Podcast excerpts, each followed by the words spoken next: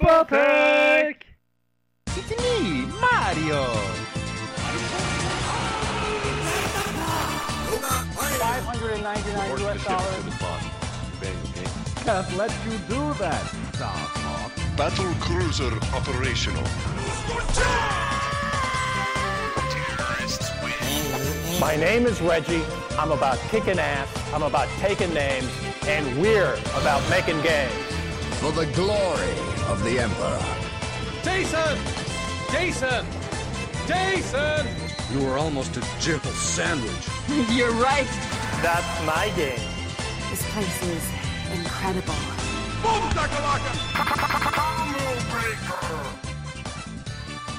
Hei, hallo folkens, god kveld, hallo i luken og alt det der. Vi er Supertech, og det er episode 45. Jeg heter fortsatt We. Jeg heter fortsatt Hei, og jeg er med denne gangen òg. Og jeg heter fortsatt Magnus. Nydelig. Joakim eh, måtte melde avbud akkurat eh, nå i, i kveld. Vi sitter samla rundt et bord. Vi, vi prøver jo å ha litt koronaavstand, og det er jo maksimalt to gjester eh, per husstand, visstnok. Så nå sitter jeg jo her, og så har jeg to gjester. Og så har vi antibac på bordet. Ja. Eh, og så har vi munnbind på. Nei, vi har ikke munnbind på. Nei, ikke noe mun- munnbind Det Ja, har vært vanskelig å høre hverandre med Ja. munnbind. Eh, men vi i hvert fall skal ta hensyn og til den situasjonen vi er i nå. Vi skjønner jo at korona er en eh, tøff periode for alle. Det er noe herk, Ja, det er noe drit, rett og slett. Det, det kan jeg ærlig si. Og det har vært over et år nå. Ja. Men eh, det er jo uh, takk ut for at vi har spill. da. Ja, jeg tror spillindustrien har, har hatt en voldsom vekst, og sikkert fått nye eh, fans i, i denne tida, som er bra. Uh, og der, men i kveld skal jeg trøste meg, meg selv med en, Uh, jeg sitter med en sider. Uh, Magnus, hva drikker du? En uh, mango-ipa fra Hansa. Ja. Jeg har noe vann her. Litt produktplassering. Jeg sitter med en Head and Shoulders drikkeflaske. Ja, ja, det er en drikkeflaske med vann i, det er det eneste. Men det vi skal gjøre er faktisk live produkttesting på noen nyheter jeg fant på Reman. Eh, Det første vi skal prøve er cheese doodles, overtrykk med eh, sjokolade. Hvem vil eh, kaste seg i ilden først? Ser ut som Magnus er veldig det det? gira på det. Hei, du også? Ja, nå tar jeg en, jeg òg. Jeg liker jo generelt ikke cheese doodles, da, men vi får se.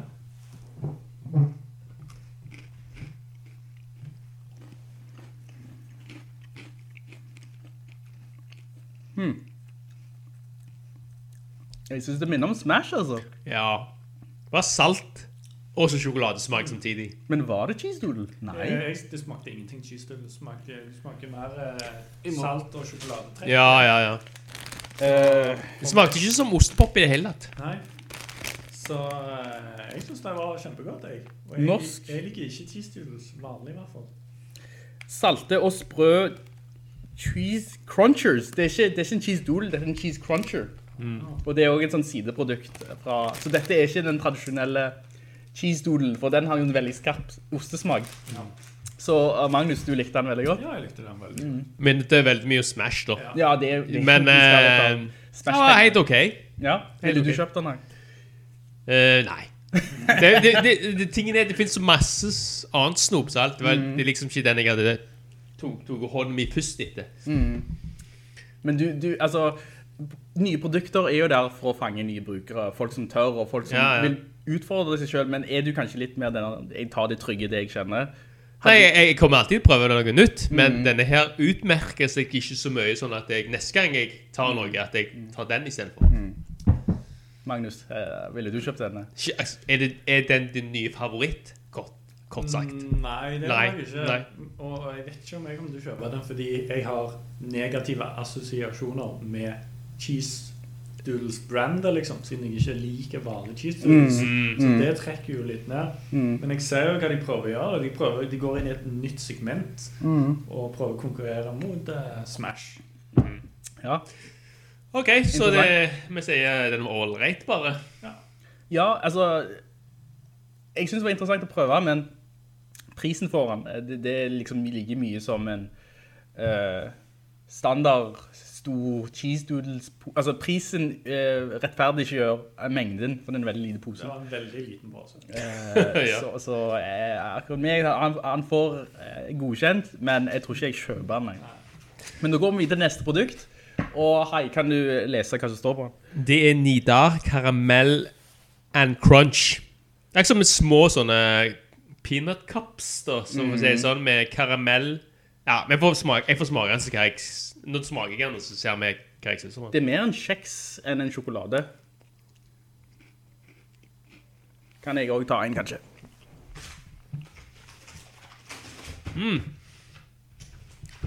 Det minner meg veldig om den der eh, Åh, hva heter den der kjeksen med, med karamellen i? Det er en toffee. Toffee, toffee, ja. Toffee cup. Toffee cup. det veldig mye om toffee cup. Ja, jeg tenkte akkurat på det samme. Ja. Hadde, Det, det, hadde, ikke, hadde, hadde du tok en blindtest, så hadde du bare trodd det var en toffee cup. det var, han var jo god, men jeg følte meg litt sånn De, de kopierte den. De har kopiert den. Det er jo nesten det samme med det andre produktet. Han var jo god, da. Toffee cup version 2. Version 2. Kanskje kjeksen var litt annerledes. Kjeksene var Jeg, jeg, jeg syns Toffee Cup var smakte bedre. da. For kjeksen var sånn Hva skal jeg si Litt sånn tørre, eller noe tørre. Jeg likte veldig godt uh, den toffeen inni. Ja, den var god. Den var god. Så Ja, ja. Den var god, men eh, jeg tar uh, Toffee Cup tar jeg Sitter et hakk høyere. Dette er Toffee Cup uh, light for meg. For eh, det, her får du kjeks. Du får seks kjeks i en pakke, tror jeg. Er det riktig? Ja. Eh, mens i Toffee Cup eh, så får du jeg tror, en hel rad. Jeg tror du får litt flere. Ja. Så, så denne er dyrere. Eh, Magnus, du skal faktisk få teste en annen versjon av den akkurat samme produktserien, men den heter heter den, da? Salted peanut butter av Nida. Så ja. Kanskje jeg skal skylle var uh, typisk gamer, eh, gamer uh, og podcast-kost her. Ja. Snacks og øl. Ja, det er ikke sunt akkurat. Jeg synes den var Oi, føler jeg kjeks i halsen her. Men Du fikk eh, kjeksen i feil hår, rett og slett. Oi sann. Ikke, du må ikke dø. Nei, nei. Eh, jeg, jeg likte den andre bedre, fordi der er liksom motstand når du tykker den toffeen. Mm. Det er liksom motstand. Her er det ingen motstand. Mm, du mer peanøttsmør. Ja, mer det smaker peanøttsmør veldig godt. Mm. Um, altså, helt grei. Altså, jeg er glad i altså, Jeg synes ja, peanøttsmør er ikke det beste heller, men jeg syns det er helt greit. Jeg elsker peanøttsmør. Mm. Men eh, jeg synes den der var unik nok. Den skilte seg godt ut fra de andre, så jeg synes den var god, da. Men ikke det beste jeg har smakt, da. Nei. Så um, Men, men disse er, jo, eh, de to er samme serie, ser det ut som. Ja, det, Det er Nidar, Nidar sin uh, nysatsing, ser det ut som. Og Nidar er jo sjokolade. Altså, Ja. det er litt uh, uvant å se kjeksprodukter fra Nidar. Ja, som, akkurat sånn som med en cheese så går de inn i et nytt segment. Altså de prøver å ta uh, komme inn i kjeksmarkedet. Mm. Så um, det er nok en eh, smart satsing, det. Dette, og dette er produkter som har vært gjennom produkttesting, selvfølgelig. Folk har sikkert studert markedet og hatt produkt som gruppetester. Sant? Dette er det endelige produktet. Og så ser vi at eh, det når ikke helt topp eh, i denne forbrukerpanelet, altså. Men altså det den uh, salted peanut butter skal ha i forhold til de to andre, er jo sånn som jeg sier, at det, det produktet er unikt. Mm. Ja, Fordi de to andre føltes som som liksom kopier. kopier, ja. Selv om de var gode. Ja. ja. Men så kjekt, kanskje vi tar flere produkttester. eh. Siden du spanderte på Jeg synes dette burde være sånn fast segment på hver podcast Men da må jo jeg du som Siden det er du som spanderer det på oss Hvordan er Supertech-budsjettet, vi? Nei, det er veldig stramt, skal jeg si deg. Det er superteit. Ja, nei, altså, hvis jeg skal beskrive det jeg ser nå, så tar vi jo Altså, vi, vi sitter med veldig sånn MacGyver-løsning på disse mikrofonene. Jeg har jo en eh, halvproff eh, mikrofon som jeg fikk i gave, eh, men vi har brukt null kroner på utstyr. Alt er hjemmesnekret. Så ikke, si at vi ikke, ikke kom her og si at vi gjør det for pengene. Vi gjør dette for the love. Pur kjærlighet. Pur kjærlighet. Vi gjør det for fansen. Ja, ja. Så det er best dere setter pris på oss. Eh, nei da. Men kan, kan jeg få lov til å beskrive Ja, vær så snill. mitt? Vær så snill, Magnus. Det er et uh, mikroskop Mhm. der uh, ledningen til mikrofonen er snurret rundt sånn at det, den blir akkurat eh, stor nok til at den sitter fast mellom de to brillene på en måte som du ser i mikroskopet. Mm. Så står det Forskerfabrikken på. Og selve mikrofonen, står det noe på den? Eh, jeg vet ikke om det står noe merke på. Eh, rockband. Og det er mikrofoner jeg kjøpte til Xbox 360 for sikkert ti år siden. Sånn syngemikrofoner. Men det er USB-mikrofoner, og det, er- det er universelt, og det funker. Og hei, du sitter med en Guitar Hero-mikrofon, tror jeg. Ja, gjør det. Eh, Kanskje du beskriver ditt eh? Ja, det kan du si eh, de der glass vannflaskene som du kan som du setter ut til bordet til gjester og sånt. litt sånn fancy, Fancy, ja, sånn, middagsbesøk. Sånn, å, nå kommer jeg på middagsbesøk, nå skal jeg få vann. Det heter karaffel. Karaffel, ja. Og så mikrofonen har ledningen tvinnet rundt, sånn at Sånn at du kan Sånn at den stapper Han er stappet på toppen og sitter fast der. Så dette er veldig MacGyver, altså. Uh, Magnus, jeg vet du har en sånn super high-tech mikrofon med en sånn uh, lampearm, uh, som er veldig... Jeg tror den, den hørte du som var veldig god kvalitet sist gang vi spilte inn, og du satt hos deg selv. Men det er litt stress å pakke den med seg. Ja, jeg, jeg vurderte jo selvsagt om jeg skulle ta den med meg, men det ble litt stress. Ja. Men eh, ja, den har jo ikke bare arm, men den har jo også sånn filter foran. Ja, stemmer. Som jeg tror det er det som gjør sånn at lyden blir liksom så klar og fin. Mm. Eh, for jeg ser jo sånne andre mer profesjonelle podcastere har jo sånn, eh, enten har de sånn sokk over eh, mikrofonen, eller så har de sånn filter. Eh, og det stenger ute noen av den knittringen og på en måte sånne P-er og T-er der du kommer veldig sånn skarp lyd. Det jevner ut eh, lyden, tror jeg. Vi har tatt med filter og bare holdt det Ja. Ja, eh, vi får jobbe med det vi har. Eh, vi skal snakke litt om spill. Eh, og hva vi har spilt i det siste. Eh, Magnus, vil du, eh, eller hei, du kan fortelle om din, din eh, spillsituasjon. Ja, jeg eh, Jeg tror det er like godt å starte med meg, siden jeg har Jeg spiller Jeg har null spilling i det siste. Jeg har faktisk ikke en spillmaskin hjemme hos meg, da. Utenom PC-en, da. Og jeg spiller ikke så mye på den, da. Men jeg følger med på spillnyheter, hva som skjer i spillverden. Det gjør jeg. Men uh, jeg har bare ikke rett og slett tid i det siste til å spille. Og jeg har ikke, som sagt, spillmaskiner hjemme heller, da. Så jeg har ikke egentlig mulighet til å spille. Du kan spille på mobilen. da. Sånn, nei, det Mobilspill eh, feier meg ikke. Nei. Så um, Ja. Det er the big goose egg på meg når det gjelder spilling. Stort gåsegg, rett og slett. Ja. Uh, Magnus, du har spilt litt i det siste. Det, vet, det er jeg fullt klar over, fordi vi har spilt sammen. Men uh, sett i gang. Jeg kan jo snakke om de andre spillene, og så kan jeg komme til de meg og deg har spilt sammen. Mm. Uh, jeg eh, spiller jo som regel eh, Fifa 21, eh, siden det er et spill som er veldig lett å legge fra seg, lett å hoppe inn i. Kan jeg bare komme med et lite innskudd der? Ja. Jo, du, Joachim spurte om en sånn en manager, at du skulle manage han litt grann. Har det skjedd? Nei, det har vi ikke gjort Ja, det var synd. Eh, jeg tenkte faktisk på det her forleden dag når vi skulle kontakte han, og fordi eh, eh, vi har ikke fått eh, gjort det ennå. Eh, og eh, han, han skal imponere sønnen sin. Ja, stemmer. Eller skulle slå sønnen sin. Ja. Ja. Men eh, det er jeg helt med på.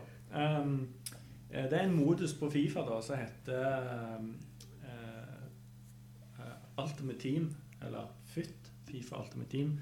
Og det er det som er så tidkrevende, da. For du spiller en uh, sånn liga hver helg. Og så spiller du kan spille opp til 30 kamper, og så skal du um, Og så ut ifra hvor mange seire du får, så får du liksom premier i spillet. Sånn penger og sånn. Er det sånn ranked, liksom? Ja. Du, du har et divisjonssystem fra divisjon 1 til 10, og så spiller du liksom med de på din liga. da. Det er det som er tidkrevende. Eh, det tok jeg fri fra denne helga, sånn at jeg kunne begynne å spille Assassin's Creed. Valhalla. Valhalla. Ja. Eh, så det har jeg begynt å spille på. Eh, jeg har kommet 1 uh, Men det er ufattelig gøy. Det, det Ja. må jeg bare si. Eh, å bare liksom random uh, plundre en by. Det er liksom Ja, vi reiser hjem, men jeg skal ikke bare plundre disse her eh, på veien. Mm. Eh, veldig, veldig kjekt, så det kommer jeg til garantert til å spille mer. Jeg kjøpte òg eh, på eh, Jeg vet ikke om dere kjenner til GOG, Good Old Games? Det, Eh, Jeg hørte om GOG, ja. er det nettsida? Ja, det er litt sånn så Steam, Mm. bare en annen tilbyder. Altså det er nesten samme som Steam, bare Men så har de litt mer sånn klassiske spill, da. Så jeg skulle kjøpe eh, Heroes 3, of, eh, Heroes of Magic Magic 3. Eh, de hadde det på Steam, men de hadde bare den vanlige utgaven, ikke den med begge expansionene. Men Mm. det hadde jeg på GOG. Så derfor kjøpte jeg det. Så det har jeg spilt litt, og det har jeg spilt med en kompis òg, for du kan spille I likhet med Steam så kan du spille over nettet. Mm. Så det er ganske kjekt. Uh, skal vi se Rart det ikke er blitt kjøpt opp ennå, GOG. Ja, du tenker det er mye penger i det?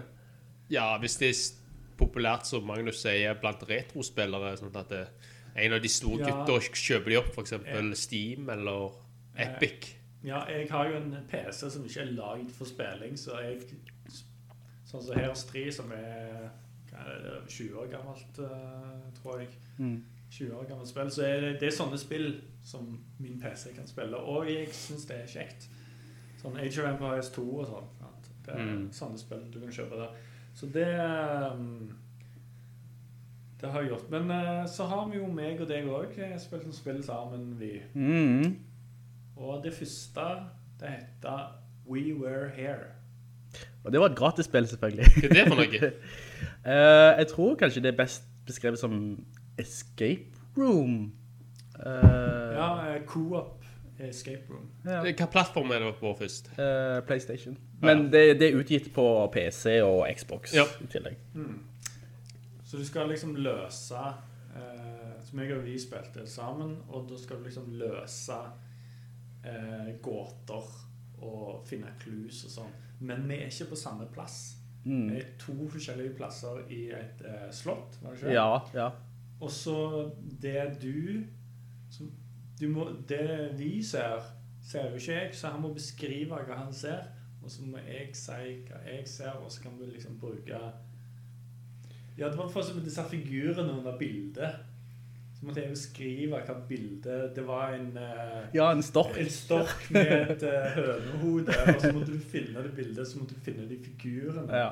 Veldig visuelle gåter, Ja. kan du si. Eh, Så du må være god å kommunisere der. Ja. Beskrive, kommunisere Ja. og, Der slein vi. og god, god fantasi òg. Og vi, vi stod, vi jobbet, men når vi først kom inn i det, så gikk det greit. Det løsnet Ja. litt. Grann. Ja, så det ble jo på en måte sånn beskrivelse Ja, Hello Kitty med bein, eksempel. Disse figurene. Eller eh, eh, et, uh, en slappe N var vel òg. Ja, en slappe N, ja. ja. Altså, det var noe som så ut som penis. Ja, penis. Det var flere varianter av den penisen, så måtte vi beskrive den penisen i detalj. Da. Av og til var den tjukk, av og til var den tynn, høy.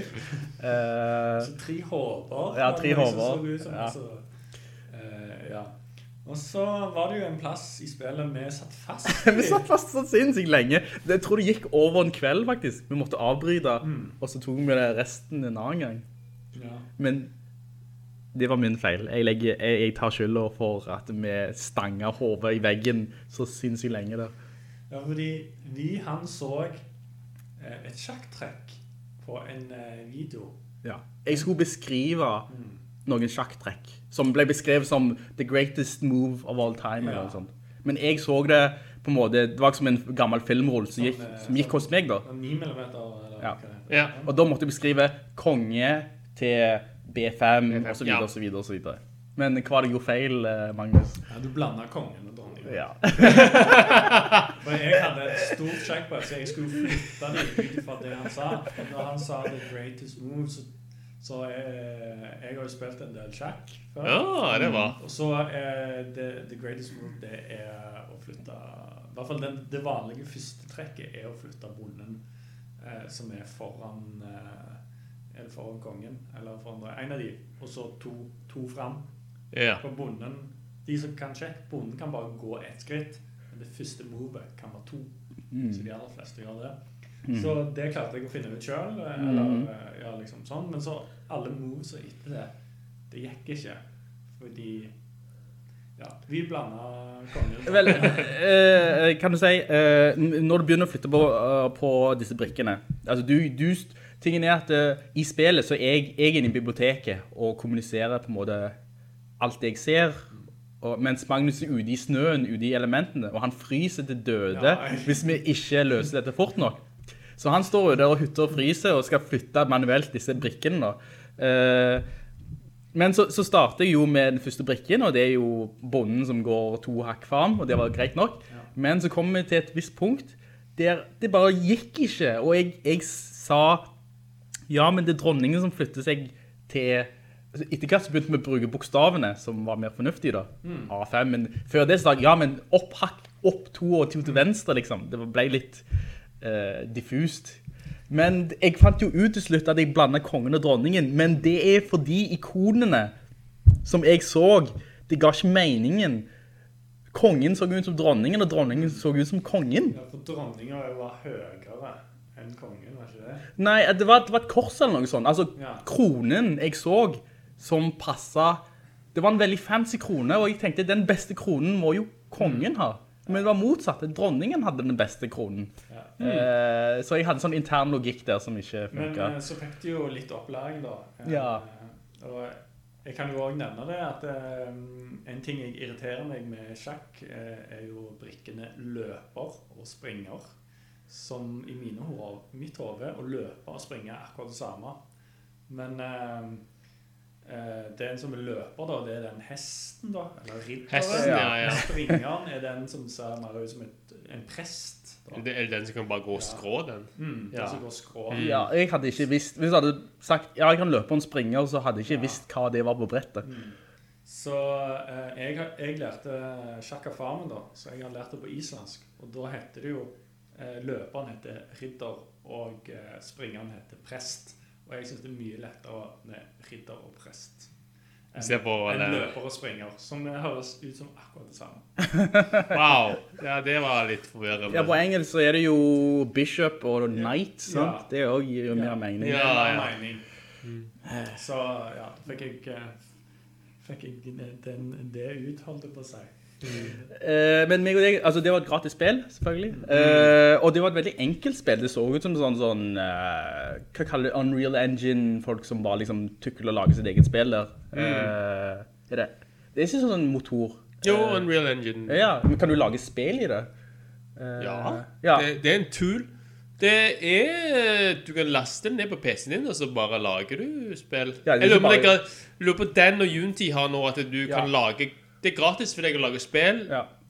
opp og opp til han Hvis antall eksemplarer blir solgt, da, Mm. så, så må du begynne å betale penger til spillet til eh, Epic eller Unity-folka. Men eh, Jeg tror det er Unity, jeg så Unity-logoen. tror det er Unity, da. Men uh, det er helt uh, gratis for deg å bare laste ned og bare Hvis du har det jeg sier, har du en god spillidé, så er det bare å tukle med det og lage Er det sånn indie-spill, på en måte? Altså, Ja, altså, de begge to er lagt sånn at det er veldig enkelt å få opp Altså spillideen din. Det det som, det som poenget. er At det, hvis du har en spillidé i hodet ditt, så du føler en god idé, så skal ikke det være en veldig stor barriere å laste ned begge, en av de tulsene toolsene der, verktøyene der, og få, få ut uh, ideen din i verden. da. For det kan være at det slår an, Eh, Du vet aldri. Kanskje du blir den neste Minecraft. Du vet aldri. Ja, det var startet jo Det- veldig sånn enkelt. Ja, men det var, okay, det var hans egen motor. Men pr prinsippet er bare at Ja. han start, eh, Det er jo hans egen motor, da. Men Ja. eh, prinsippet er bare at det, det starter jo som en idé, da. Mm. Men du skal være både dyktig og heldig, egentlig. Kombinasjonen av de to. Uh, ja, for jeg tror dette ble lagt, spillet, spillet ble lagt av et veldig lite team, eller bare en person. Ja. For det er veldig enkel musikk, og grafikken er veldig enkel, men grunnideen er jo veldig god. Altså, Mm. escape room, to personer kommuniserer, du ser ikke det samme. Sånn asymmetrisk uh, spilling. Ja, det tenker er ikke det. Hvis du har en god idé, så du tar Okay, du, du investerer litt tid på å gjøre noe sånt, men hvis du har en god idé i hovedet ditt, du vet aldri, kanskje du slår an. Ja, men kan, kan skje for eksempel at et stort spillstudio liker denne ideen Ja. og liksom kjøper konseptet og lager et, et fullverdig spill. For jeg følte at det var mer et minispill. og Mm. Uh, det vi spilte var første episode, så det finnes flere flere episoder. okay. ok. Eh, men som du sier, det kan godt være at et større spillselskap ser potensial i dette.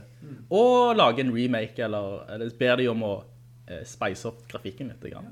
Eller bare at du eier alt, og så jobber med det videre. Ja. For da er det ditt, som sagt. Det er jo det beste, da. Men uh, OK. Uh, hvordan, forresten, hvordan uh, kommer dere over det spillet? Eh, jeg tror jeg leste det på nettet, at dette var et nytt, nytt spill som kom på PlayStation Shop, og var gratis. Og så Ja. fikk de litt sånn ros og sånn, «Å, dette må du prøve ut, dette var gøy. Det er Jungeltelegrafen. Altså. Ja. Så du sier, har du en god idé og kan uh, execute det på en bra måte, og det fenger, så er Jungeltelegrafen ganske kraftig. Uh, en kraftig uh, hva skal jeg si, verktøy for å spre det gode ord, da. Men uh, det betyr jo at det spillet må være bra, da. Ja. Altså. Og så var det jo gratis. Jeg, hadde, jeg vet ikke om jeg hadde betalt for dette, men de har jo satset på at det, ved å gi folk den første episoden gratis, så vil folk... kjøpe de andre episodene? Ja, ja. episodene. ja, ja. Um, OK. ja, for me- det slutta litt sånn... uh, plutselig, jeg og deg, Det var veldig uh, lite tilfredsstillende. Meg og deg hadde vi strevd oss gjennom en masse gåter, uh, og så på en måte ender vi opp i en gang, og så er det et gitter der. Ja, og så finner vi jo ikke ut hvordan vi skal få begge ut. Men selve gåten var veldig gøy, synes jeg. Eh, og vi hadde, det var en sånn sekvens der vi skulle på en måte eh, spille et teater med kulisser. Uh, jeg måtte fortelle Magnus hva type kulisser som skulle være på plass. Og så måtte han dra i noen spager for å få fram de rette...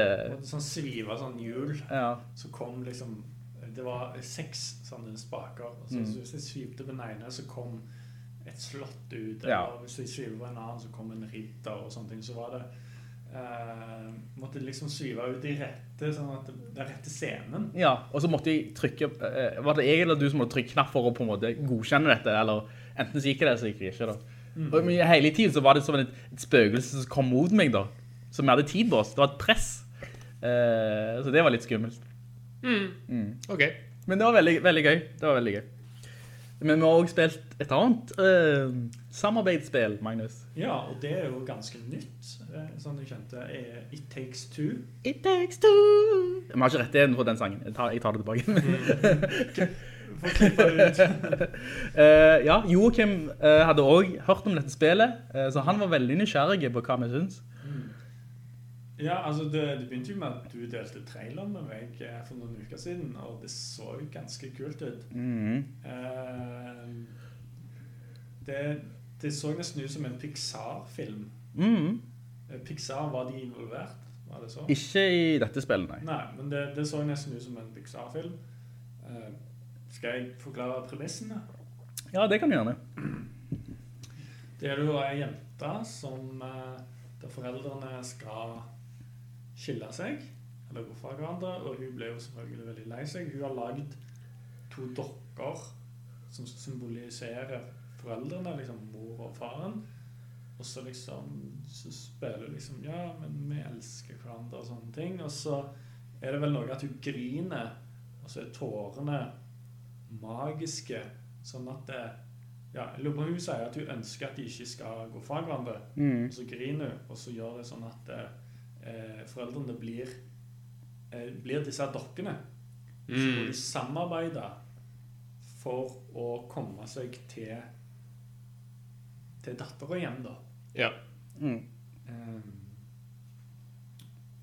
og jeg, jeg likte det spillet veldig godt. Uh, Det dere har spilt av det, i hvert fall. Det er Coop-spill. Ja, Jeg, jeg har sett på det når We spiller det, da.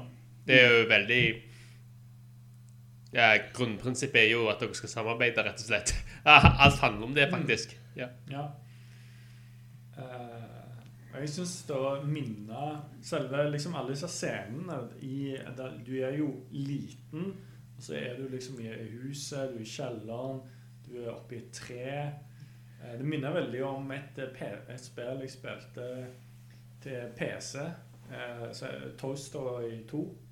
Mm. Eh, for da, da er du eh, Det er bygd på filmen, da. Og filmen handler jo om at eh, Woody eh, ved et, ved et uhell havner i et, på et sånn garasjesalg. I, og så er det noen som tar han, eller kjøper han. Og så må liksom Mm. Buzz og disse andre vennene redde han. Og da, i selve spillet, så er du liksom i kjøkkenet. Du er i kjelleren. Du er ute i et tre. Du er liksom Så jeg følte eh, Sånn sett var det veldig likt eh, selve, selve scenene, da. Men eh, ja, grafikken var jo mye, mye bedre i dette. Mm. Og ja, det var veldig, veldig kjekt. Mm. Vi har kanskje kommet en tredjedel eller halvveis. Og vi har opplevd mye forskjellig. Altså, det, selve spillet er laget av Hazelight, og det er jo han Josef uh, Fares. Uh, Ja. Han er jo litt sånn rock'n'roll-type i spillindustrien. Han, uh, han som har regissert Jalla Jalla og Kops. Er, er det han, altså du har broren hans, men hvem av de, altså, er det Josef Fares som har regissert filmen? Ja. Eller er det Fares Fares? Fares Fares har hatt hovedrollen. Oh, no. ok, så er det Josef som faktisk... Josef Fares er regissøren. Mm. Eh, og det forrige spillet til Hazelight, det var jo A Way Out. Og det, det- har jeg spilt med begge dere to, tror Det har du spilt med meg, i hvert fall. Har, du, har jeg spilt A Way Out med deg? Folk som rømmer fra fengsel. Nei. Veldig Nei. sånn uh, prison break-aktig. er det meg. Ja. Uh, og det, der også var det sånn uh, samarbeide, folk gjør litt forskjellige ting. Eh, men igjen, der var det dette elementet med eh, de bryter opp spillmekanikken, sånn at du ikke gjør det samme for ofte. Mm. Og det opplevde jeg jo i dette, i dette um, TX2, at du får et konsept, for eksempel vi jobbet med spiker og hammer, og så var det gøy, og så på en måte ble det bakket vekk. Og så begynte vi å jobbe med sevje og fyrstikker. Ja. Så det er alltid noe nytt. Eh, jeg tror de, de, de, prinsippet er at du, det er aldri det samme hele tiden. Eh, så det synes jeg funker veldig bra da. Og jeg tror eh, det er noe som kommer til å slå an veldig nå som vi i pandemien ikke kan være sammen. Mm. Men vi kan spille sammen og snakke sammen og samarbeide i spillet uten å være sammen fysisk. Så Mm. tror jeg bare kommer til å komme mer sånne spill. Og det Hazelight har gjort oss på, lik linje med A Way Out, er at eh, en person kan kjøpe spillet, og så tar den andre og laster ned en eh, partnerkopi som ikke koster noe. Så kun, hvis du har en kompis, så trenger kun en nok å kjøpe spillet. Eh, men jeg og Magnus har delt på kostnaden, Ja. så det er jo veldig kjekt. Er det sånn indie-prisspill på det, da? Det koster 400. Ja. Så det er jo sånn... Det er altså, litt, litt billigere enn vanlig. Ja, Hazelight er jo sånn dobbel A-selskap, kanskje. Ja. Ikke trippel. Eh, men de er jo eid av EA, tror jeg. Er det det? Eh, jeg tror det. Så de har jo litt sånn backing. Um, Men jeg gleder meg til fortsettelsen, Magnus. Og vi får se om uh, hun jenta får foreldrene sammen igjen. Ja. Det, når du sier sånn, så var jo en, en av de scenene var jo skikkelig eller mange av scenene var jo skikkelig emosjonelle. Åh, ja, det var litt fælt å se på. Det var veldig sterkt, liksom. Hun var jo kjempelei seg for at foreldrene skulle eh, skille seg, og spesielt når, når, og når litt senere ut i spillet, når eh, foreldrene er Ja, ja, du har jo glemt å eh, fortelle om den boka Ja. som kom eh, Det er litt spoilers nå, må, jeg, må vi si direkte. egentlig. Ja, Men, ja. ja, så, ja, det vi glemte å nevne egentlig. Men eh, hvis dere vil spille spillet selv, så ikke hør så mye nå. Nei, da får vi spole litt frem. Men eh, hva var det du skulle si, Ja, jeg skulle bare si den en verste scenen så langt var jo når eh, Fordi når foreldrene er i disse dokkene, så er de jo ikke til stede i sine fysiske Det ser ut som de sover eller er veldig fraværende som zombier, liksom. Ja, og Ja. så prøver hun å snakke med dem, og de responderer ikke, og det Det, det er vondt å se. jeg merker at det gikk inn for deg, altså. Det, fraværende foreldre er jo veldig trist. Hmm. Ja. så, men kan du si, det er ikke deres feil akkurat i dette tilfellet. Nei, så er det bare et spill. Eh, men selvfølgelig, de har jo klart å på en måte påvirke deg emosjonelt, eh, Magnus. Ja. Så det, da har det funket. Eh, har du andre spill? Nei, nå har jeg vel nevnt det jeg har spilt. Skal det. Jeg har litt sånn jukse... Jukselapp? Ja. ehm. nei, jeg har eh, gått igjennom det jeg har eh, spilt. Så ja, jeg vi jeg satser på at vi får spilt litt mer av eh, It Takes Two nå i påsken. Ja. jeg kan fortelle om mine spill. Jeg husker ikke helt hva jeg sa sist. Eh, men jeg tok i hvert fall et sånn skikkelig krafttag. Eh, for jeg ville på en måte rydde vekk eh, spillelista mi før um, Mass Effect. For den er liksom, definitivt, den skal jeg runde som juling. Da er det sånn eh, du skal isolere deg hjemme. Uh, så derfor har jeg faktisk jeg kjøpte ny TV. Uh, Alt er klart. Uh, jeg har ommøblert, fått noen litt freshe møbler, fått ting til rette. Jeg gikk til anskaffelse av en eh, TV-benk der jeg skadet ryggen min, sant? så dette har gått utover helsa mi. Eh, men all, nå er ting på det lagt til rette for Mass Effect. Men tid det kommer? Mass Effect kommer om cirka om en måned. Uh. men jeg måtte jo rydde vekk dette spillbiblioteket mitt, og da hadde jeg eh, Control, som var gratisspill i februar eller januar noe sånt. Og da Jeg har rundet spillet. Jeg vil si det var litt frustrerende sånn Kan du si Lagringssystem. Der hvis du dør, så eh, Det er ikke sånn checkpoint. Du blir bare flytta tilbake til sist gang du sava. Altså det er sånn eh, eh, lagringspunkt. Av og til så er spillet grei med deg, og hvis du dør på en boss, så starter du på en måte foran bossen. Men Ja. nei, du blir spolt tilbake til sist gang du lagra manuelt. Eh, og så må du kjempe deg fram til det stedet igjen. Og samtidig så mister du sånne, jeg nesten kaller kalle det erfaringspoeng. Hver gang du dør, de har litt sånn, de lånte fra Bloodborne og og det er litt frustrerende. Okay, altså, når du nullstiller progresjonen din, altså det er liksom det måte å straffe deg på, som jeg ikke liker, som henger tilbake på fortida. Men bortsett fra det så er det et veldig bra spill, og det er Remedy, de Yep. finske folka heter. Yep, de, er veldig, de er veldig flinke med akkurat den sjangeren, for de har også lagt det der Quantum-spillet som du kjenner her. Og- Tidsreisespillet, ja. og Alan Wake. Sant? Så de er veldig flinke med akkurat den skyting og tredjepersons... Tredjepersons uh, skyting. ja, veldig sånn tight gameplay, interessant historie. Max Payne, Max det husker Payne. jeg. Det de, som- de starter med Max Payne. Så det kan jeg anbefale. og det er veldig sånn, veldig sånn speisa historie, for hun, det er en dame som går inn i et sånt byrå, sånn svart Men in Black-byrå. Eh, du vet ikke egentlig hva de driver med, men plutselig så tar Ok, jeg skal ikke ødelegge historien for mye, men plutselig så må hun bli sjefen, eh, overta rollen som sjef, og begynne å løse alt som skjer i dette bygget, som der tid og rom går i alle retninger. Eh, Så det er verdt å prøve, selvfølgelig. Det er gratis. Eh, Men det er noen timer du må investere for å først komme deg inn i mekanikken og historien. Og så er det noen, faktisk noen timer der før du ser slutten. Og jeg synes kanskje spillet ble litt langt på slutten. Det, var- den varer kanskje sånn 25 timer. Jeg kunne kanskje passe til 20. Uh, og et annet spill jeg måtte på en måte bryne meg gjennom var Star Wars uh, Squadron VR. Um, som er et VR-spill, som sagt. Men der du spiller uh, fly, Det er et flyspill. Det nærmeste du kom en simulator til å kunne sitte i en X-Wing eller en TIE Fighter. Som er jo en barndomsdrøm til, til mange, da. Eh, og det som var kult var at du følte faktisk som du satt i en av disse skipene, men du kunne også velge Y-Wing, A-Wing og alle disse variantene av både den gode siden og den dårlige siden. Du måtte spille på begge sider i kampanjen. Eh, men av og til så var det frustrerende fordi det er et vanskelig spill i grunnen.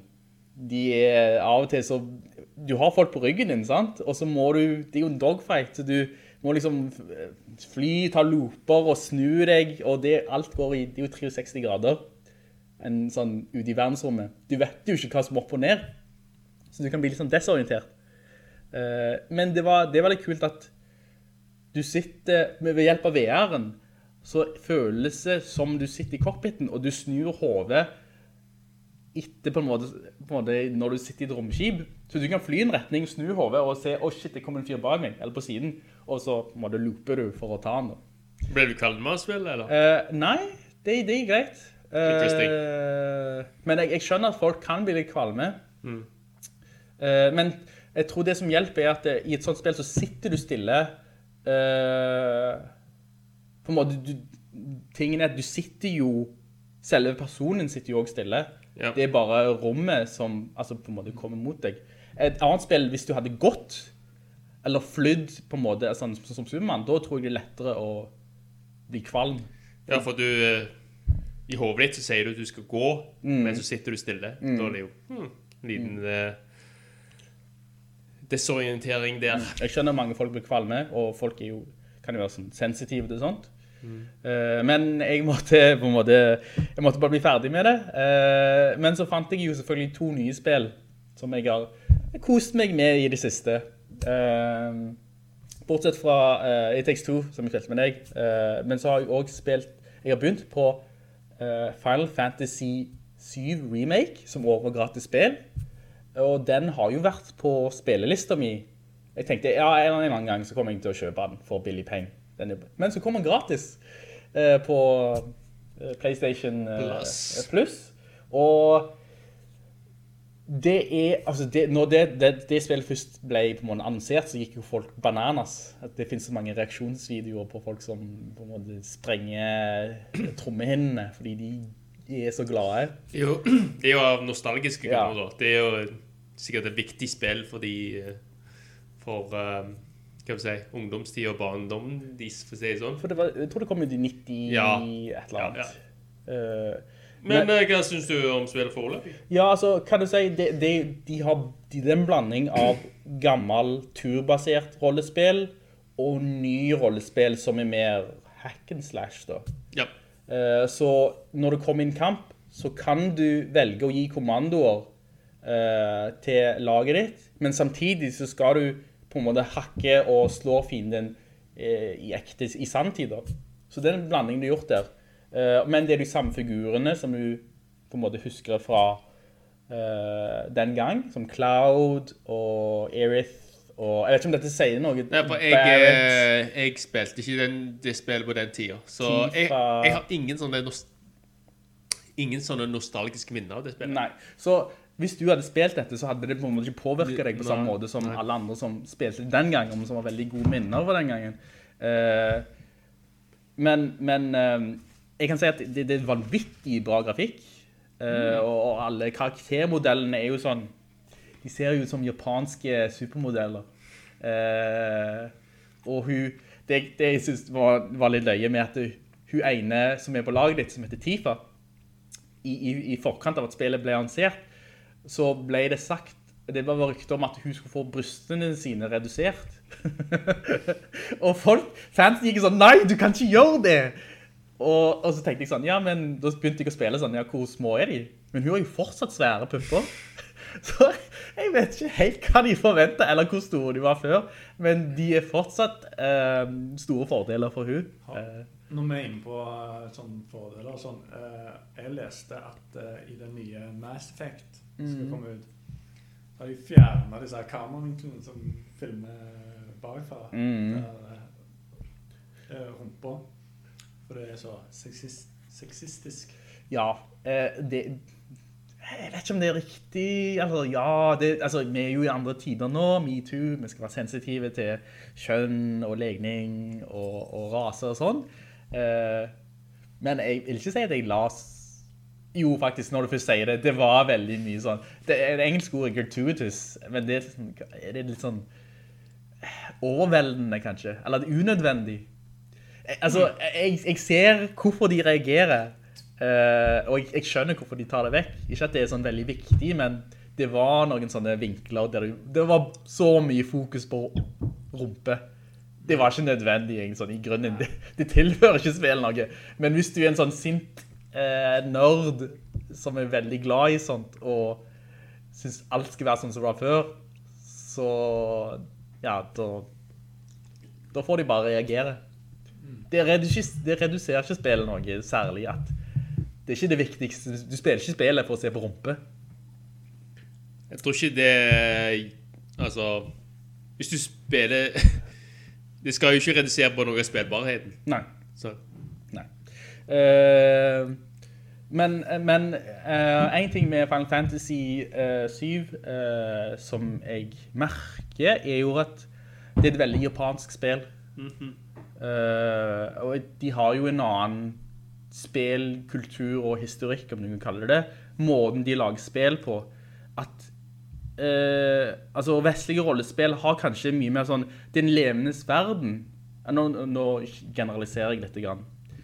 Men i, i, uh, i Final Fantasy 7-remaken så er du kanskje i en korridor, og så er det kanskje bare, ja ok, det er en eske jeg kan åpne, men that's it. Det er ikke noe interaktivitet.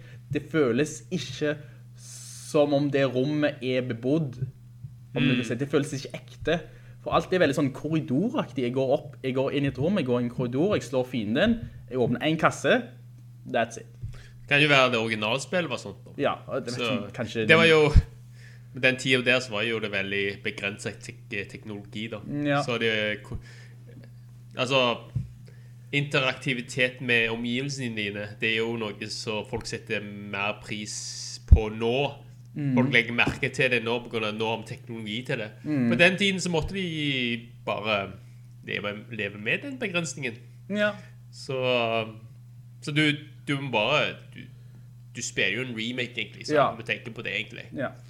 For, altså, folk eh, er jo litt sånn, ja, hvis du kommer til toaletten nå, så kan du flushe. Ja, ja, altså, du ser i speilet, du, ser deg du selv. Du skal, gjøre du, skal, du skal kunne gjøre ting som Ja. om det er virkelig, da. Ja. Så folk Det, det ha føles bare litt mer sånn... realistisk. Folk vil ha det realistisk. Uh, men, men, men ja, som du sier, det kan ha noe med at dette er en Ja, remake. remake. da. Uh, og en annen ting som jeg synes er veldig japansk, er at han, hovedfiguren, protagonisten som heter Clouder, han er så tafatt i alt han sier og gjør. Han har så dårlige reaksjoner. Du har sånne søde jenter som er sånn, å, kan jeg være med deg? Og, hei, skal ikke vi være venner? Og, ok, så, altså, de, de, han er bare sånn, ok, samme det vel, sånt. og, så, og så har det folk som sier, du, dette er livsfarlig. Og Sånn, whatever, mann, sant? Han er så lite emosjonell. Jeg blir litt sånn oppgitt. Eh, ta det sammen, mann. Du burde, du burde egentlig snakke med en som har spilt originalspillet, så må du se om eh, hvor mye de har endret på det. Ja, jeg har spilt originalspillet på Switchen. du har det, ja? Jeg Ja, ja, da så. Ja. Eh, Husker du at det var så tap, tapet da også, da? ja, ja, men da, da var det bare tekst på skjermen, sant? Da var det bare setninger som du kunne trykke deg gjennom. Og sånn, jeg, jeg bryr meg ikke, kom igjen, kom videre. Ja, ja, ja. Men nå må jeg se alt i Ja, du ser på Jeg må se på mykken hans, og jeg ser at han er så jævla teide. Sånn, hun her er råflotte, kom igjen, ta hintet, mann, sant? Men nei, han skal bare sånn, åh, jeg bryr meg ikke, åh, må gjøre det. Åh. Så jeg vet ikke, jeg håper jo at han, eh, at det kanskje er litt utvikling i han også da. At Så da. før i tiden, når det var begrenset teknologi, at det var bare tekst, tingen er at du kunne forestille deg i hodet, da. Ja. Nå er det faktisk, nå har de animert det og gitt noe visuelt til deg. Mm. Og det stemmer ikke overens med det du forestilte i hodet ditt. Nei. Så før i tiden så tenkte du sikkert at han var sånn, ja, Han var kanskje Ja. mer engasjert. Når du leser det, så Akkurat som når du leser en bok. Ja. Du sier leser en bok og ser en film. Sant? Ja. Den filmen der uh, gir jo bilde på hva du Altså, når du leser en bok, så kan du forestille deg i hodet ditt hva det Hva dialekt de snakker, hva Ja. spiser Ja, det er mer riktig i hodet ditt, altså. Ja, ja. Mens når du ser filmen, så stemmer ikke overens. Da er det sånn Hei, dette er ikke sånn jeg forestilte meg. Det blir jo sånn som det vi spiller litt. Så ny teknologi kan være Ser ut som ny teknologi kan være både positivt og negativt. det er mer realistisk med ny teknologi, men på den annen side så ødelegger det mer av det du kan forestille deg i hodet ditt. Du sa jo at det var veldig mange som ble emosjonelle over det spillet. Var det noen som ble liksom oppriktig lei seg over For sånn som du sier, at det er så forskjellig fra og tekst til liksom film og sånn. Altså var det noen som følte seg at dette var feil måte å gjøre det på? Hvordan var anmeldelsene da? Eh, jeg tror anmeldelsene var stort sett var positive, altså. Ja, okay. Eh, og jeg tror ikke det var noen negative reaksjoner på det, sånn som jeg har fått det med meg. Ikke du leneste. Eh, men men det, det finnes alltid noen som skal være sånn trofaste mot originalen. Eh, sånn som Star Wars-filmene. De originale er best. Det skal ikke være noen sånn relansering eller remakes eller et eller annet. Eh, så det finnes jo begge sider av denne mynten. Eh, Men hva synes du til frem til nå spill da? Eh, Godkjent? Det er bra spill, men Og det, det er episodisk spill, kan du si. Ikke på samme måte som disse Walking Dead, der en episode varte to-tre timer. Dette spillet er kalt første episode, men varer visstnok 50-60 timer. Jesus. Og folk sier det er ufornuftig mye, for det er mye som føles som eh, kan du si, fullstoff. Ja. Som ikke var med i originalen. Eh, og hvis jeg har skjønt det riktig, så hvis du ikke har spilt etter første episode, så er du kanskje en tredjedel ute i originalspillet. Men hvis det er en tredjedel varer allerede 60 timer, og kanskje, jeg tror det kan vare enda mer hvis du tar alle sideoppdragene, så er det på en måte, de har bare oppblåst originalspillet så mye at du gjør mange sånne rare sideoppdrag som egentlig ikke betyr så mye.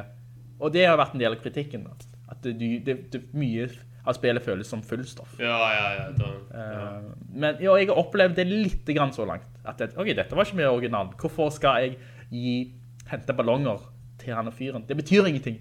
Dette Ja. så, selve temaet er jo litt sånn, eh, hva kaller du det, økoterror, økoopprør. De kaller seg for eh, rebeller, men de sprenger jo fabrikker, eh, og noen ble, av noen så blir de stemplet som terrorister, mens de kaller seg selv eh, revolusjonære. Sånn.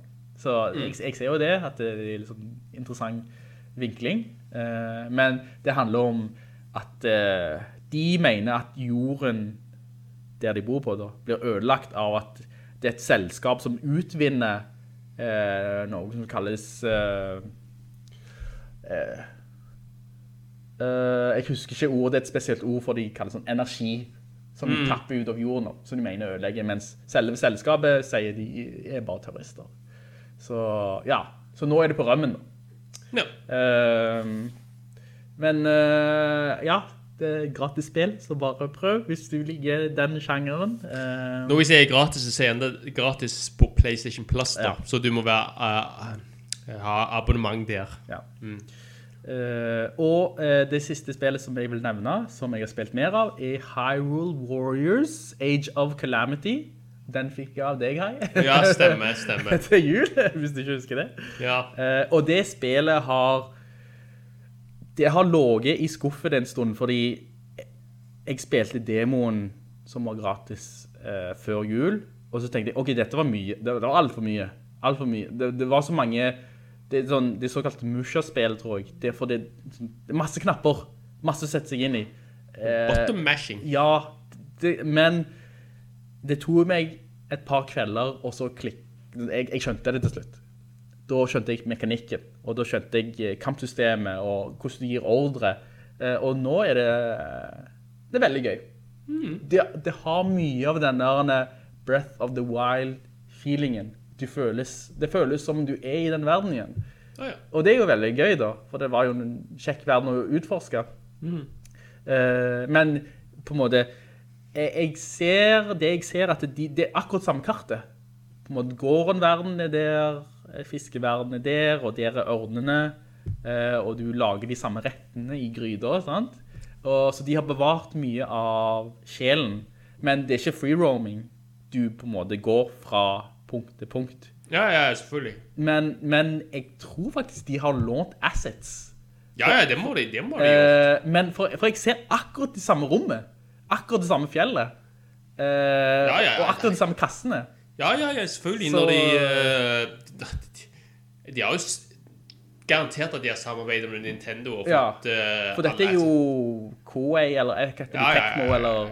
uh, men akkurat det samme rommet. Jeg, jeg kjenner det igjen. Altså. Men det var her jeg slåss på den der uh, Lionel-fyren. Så, så det er litt morsomt da. Uh, og så er det ko, du kan spille to player, men det har jeg ikke gjort, eh, bortsett fra nå i påsken. Mm. Men uh, takk for Gramenhei, veldig bra spill. Men selvfølgelig, nå skal jeg prøve å runde mest mulig av dette før Mass Effect kommer om en måned. Som jeg gleder meg til. Da er det som vi... Vi er som bjørn som går i hi, da. Går i dvale, da. Eller ta ned gardinene. Spise mest Ta ned dine, kjøpe en masse junkfood, eh, Sånn monster, monster energidrikk, og så bare binge den på alle Mass Eh, Effect-spillere. Proteinbarer. Proteinbarer. Jeg, jeg slutter jobben min, sant? ja, ja, er ja, ja. Ta alle feriedagen da. Eh, nei, men det, det er en vanvittig flott spillserie som jeg kan anbefale til folk. Selvfølgelig, det er jo science fiction, så du må Ja. være glad i, i romvesener og romskip og sånn. Men eh, det er en Mass Effect remake? Eller? Eh, Remaster, eller? Jeg vil kalle det Det er noe midt imellom. ja, ja. Sant? De har forandret litt av mekanikken som i det første spillet, der, der ting gikk litt tregt. Yeah. Og så har de eh, pusset opp eh, noen av modellene, sånn at de ser freshe ut. Eh, men det er ikke en re total remake som syven. På en måte, de, det er fortsatt det samme spillet, det bare ser mye bedre ut, og det kjøres litt bedre. Det kan være de har ny motor eller noe sånt. Eh, men dette er tre selvstendige spill, eh, som alle er bra på sine egne måter. Eh, men det er, altså Magnus, nå skal jeg prøve å beskrive spillet for deg, og så, jeg vet ikke om det er sånt du liker, men det er mye skyting, og så er det fra tre person, men du kan også kaste magi hvis du foretrekker det.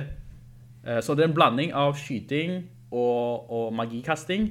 Eh, men så har du squads, du har to på laget ditt som du kan gi ingen ordre til hvis du vil, la de gjøre sin egen ting, men du også, kan også be dem om å skyte eller fokusere på en fiende. Eh, og så er det et rollespill da, så innimellom så må du snakke med folk og ta valg. Men så har du kampsekvenser, der du skal nedkjempe fienden og så er det et større, det er en historie i bakgrunnen, en invasjon som kommer, som du på en måte skal håndtere. Eh, men du spiller en type James Bond i rommet da, sånn Ja, agent. ok, ja. Eh, høres dette ut som noe du kunne spilt? Nei, Jeg vet ikke. Jeg vet ikke en, en demo kanskje. Ja. uh, ja. Hva, altså, er det, du, du spiller vanligvis ikke den type spill, eller? hva? Science fiction-spill, altså. Nei, jeg er ikke sånn voldsom inn i science fiction. Mm. Men uh, ja. Um, hvis det kommer gratis på PlayStation Plus, så skal jeg ikke prøve. Skal jeg legge det inn i biblioteket, og så aldri spille. Ja. Backloggen. Backloggen. Mm. Nei, jeg har ikke mer å dele for min Nei. del. Ikke jeg heller. Eh, veldig flott, eh, gutter. Da tar vi en kjapp liten pause, så kommer vi tilbake.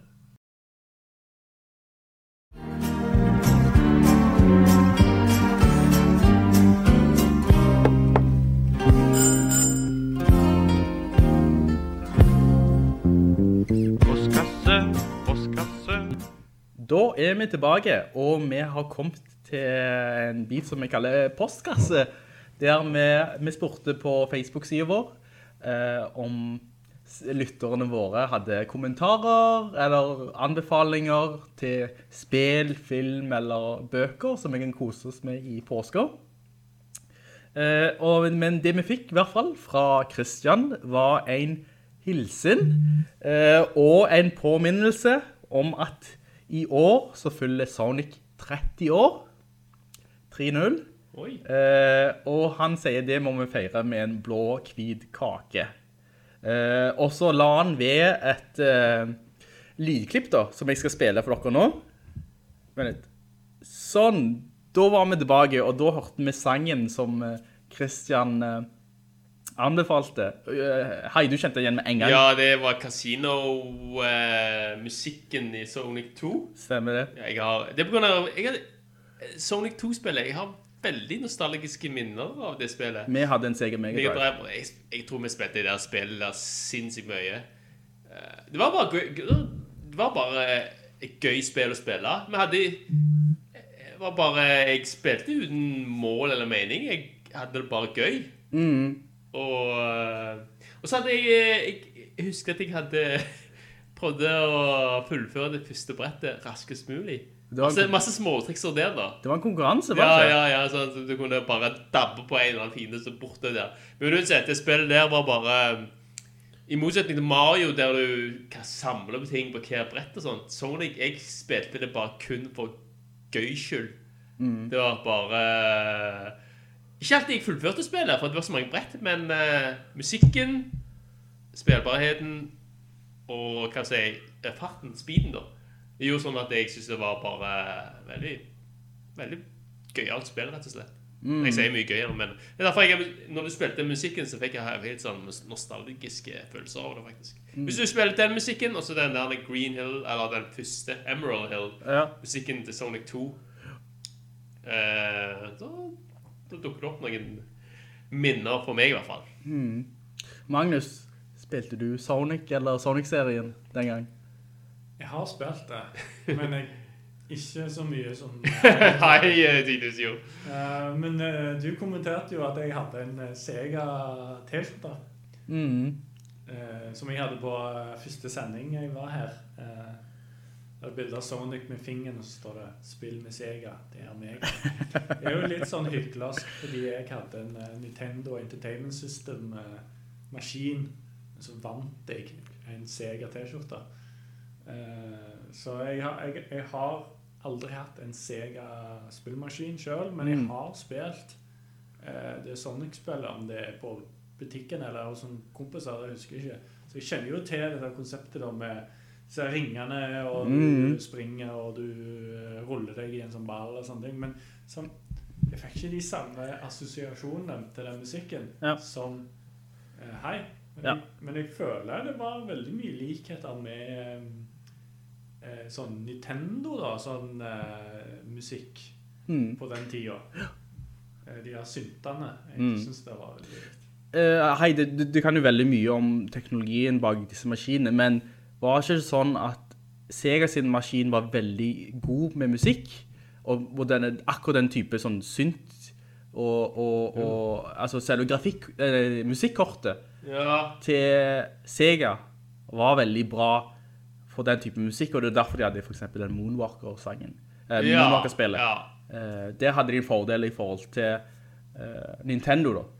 Um, nå husker jeg ikke detaljer, men eh, det Super Nintendo-maskinen var veldig god på, det var faktisk eh, å spille lage musikk av virkelig virkelige instrumenter. da, så Derfor kunne du høre liksom skikkelig pianolyd og fiolinlyd og sånn.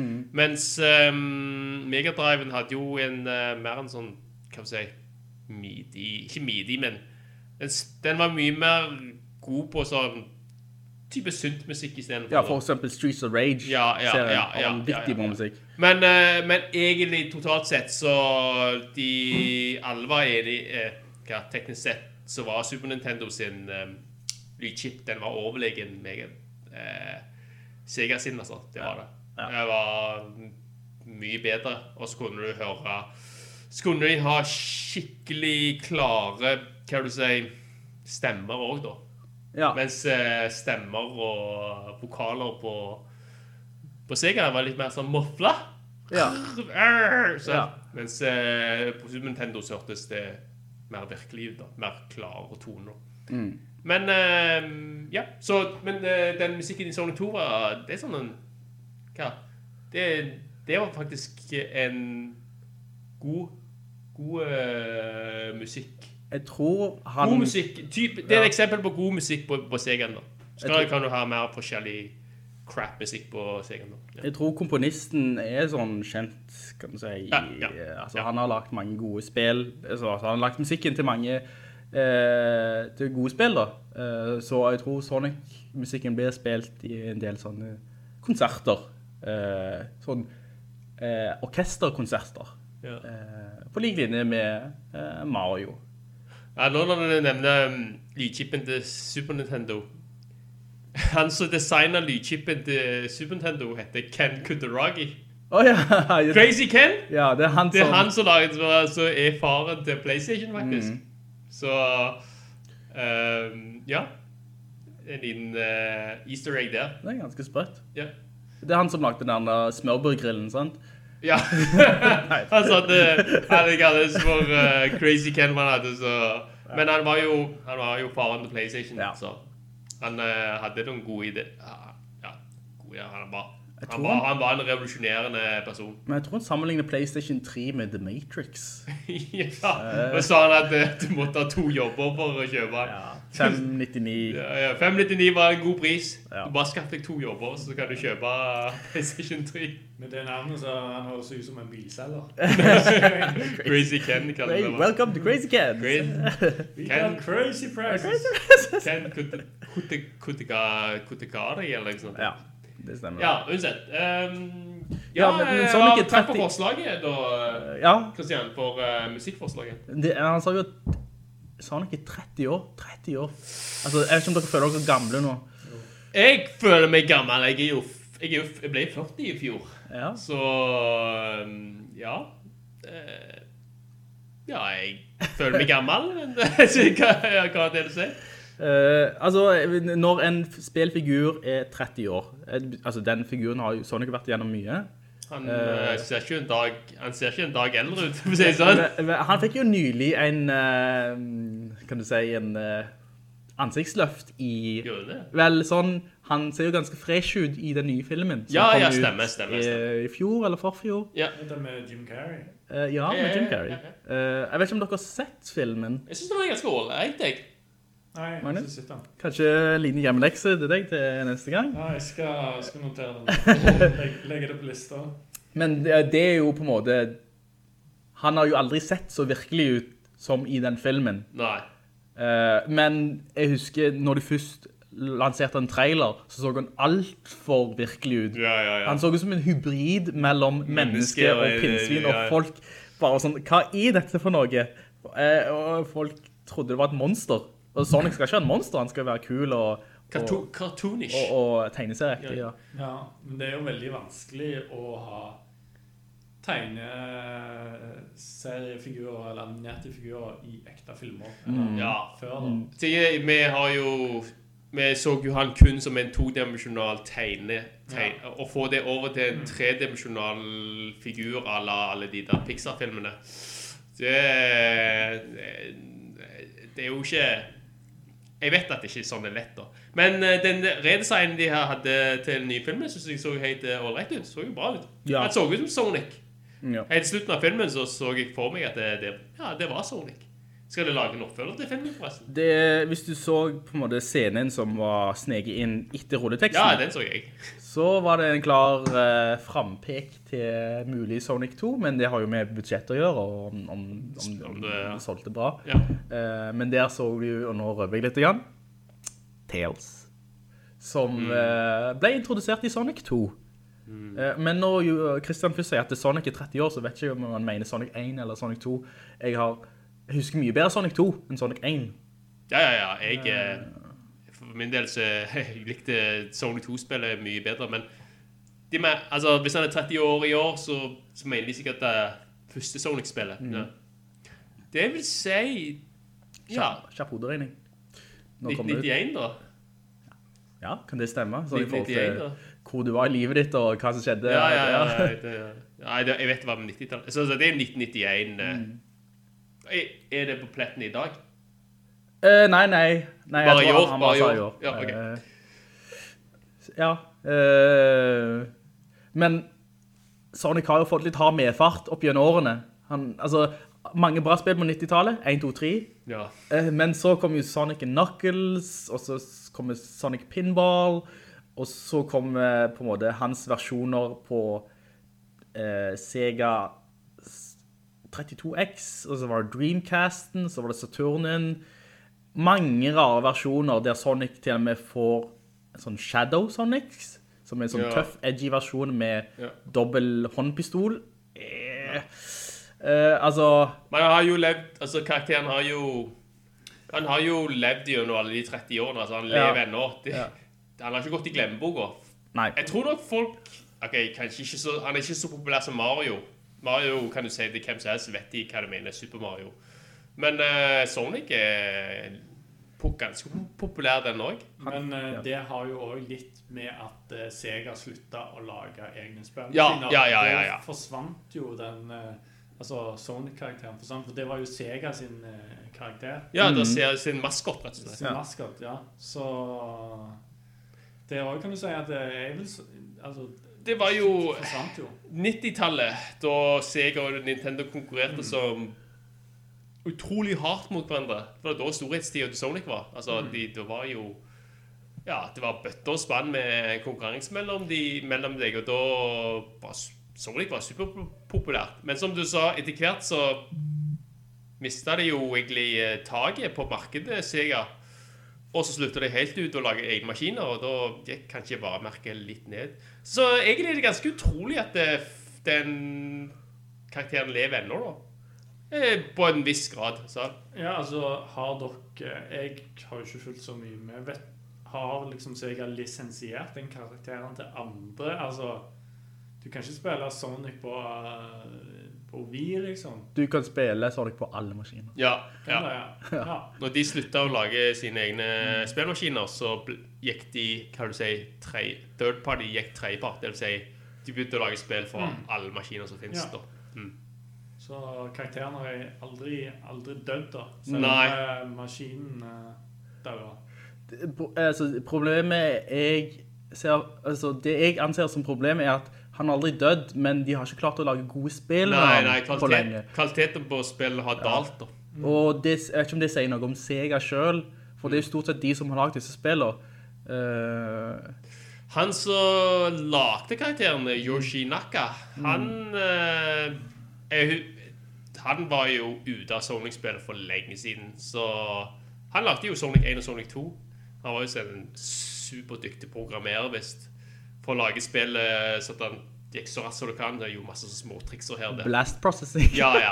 Det var- ja men, men uansett, han var ute av det, den spillserien for lenge siden, så et, etter, etter hvert så var det bare kun Sega, sikkert nye folk, som bestemte hvor retningen gikk da. Og um, som vi sier, Mario sine spill har jo opprettholdt den gode kvaliteten hele tiden. Mm. Hver gang det kommer et nytt Mario-spill, så er det en liten begivenhet da, for å få gode anmeldelser og sånt da. Men uh, masse gode anmeldelser, og det selger bra. Men Sonic-spillet har jo bare egentlig dalt ned i uh, kvalitet og ja. Altså, eh, du kan si denne transisjonen til tredimensjonal plattforming, den klarte Mario vanvittig bra. Mario 64, sant? Mm. men det er et eller annet med Sonic som ikke lar seg overføre, fordi han skal gå så vanvittig fort. fort, da. Og da er det vanskelig å få ting med seg i sånne, en en tredimensjonal verden. For Sonic har alltid beveget seg fort, og, sånn, og spredt i alle retninger, og hvis du skal gjøre det i den tredje verden, så blir du fort desorientert. Mario har alltid vært litt mer sånn treig, men du, du tar hvert hopp med litt sånn hensyn. Ja. Du skal vite hvor du hopper og hvor du lander. Jeg mener i de siste årene i hvert fall uh, Sonic-spillet som har fått best anmeldelser, er spill som har vært 2D, da. Ja, vi har gått litt bak denne Ja, vi har gått bak til roten, da. Og Det er Sonic Mania, er jo, Sonic Mania. Er, kom jo ut for forfjor eller noe sånt. En- en- Ja. Og det er jo retrostil. Uh, en, bland, folk, ja. ja, en blanding av gamle brett og nye brett, og den har fått uh, bra kritikk. Folk likte det.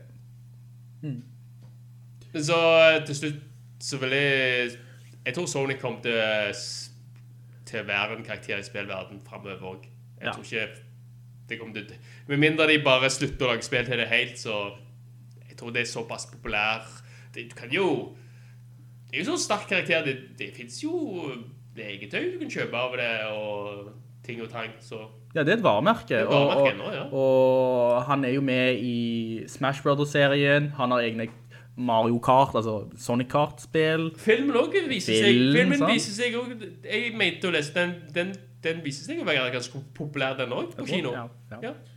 Og, og hvis det kommer en oppfølger til den filmen, så kommer jo oppmerksomheten Tilbake, ja. tilbake på Sonic. Og da, da må de egentlig bare gni det mens det er varmt, og lage en kvalitetsspill òg. Altså, ja. ja. Ja. Hvis de skal gi ut det neste spillet nå, så kanskje kommer rundt neste filmen òg. Ikke gi ut noe møkk, da. Så alt. Gi noe, noe ut som er kvalitet, da. For da kan de jo få en oppblomstring av Sonic-varemerket. Kanskje vi kan se Sonic eh, vende tilbake til eh, spillverden på en majestetisk måte. Ja. Jeg har, jeg har i hvert fall gode minner om Sonic, så det hadde vært greit for meg. Ja, og jeg har en flott T-skjorte. Det er sånn vintage eh, T-skjorte, Magnus. Hvis han var... Men hva tid vant du den T-skjorten?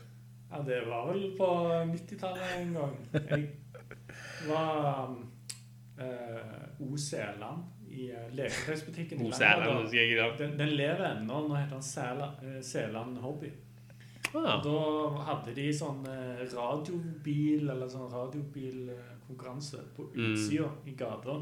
Så var det meg og en kompis, og så konkurrerte vi mot hverandre, og så vant jeg.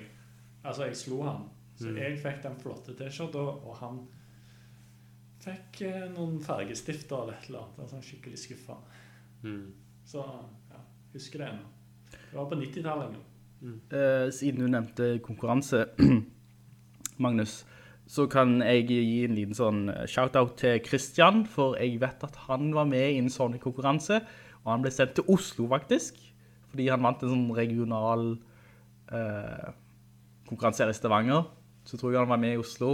Og hvis Christian du hører på denne episoden, så skal vi gi honnør til deg for å være eh, Godesets eh, Sonic-ekspert. Og han vant en sånn ultrakul jakke, som var blå og hvit, sånn Sonic-farger.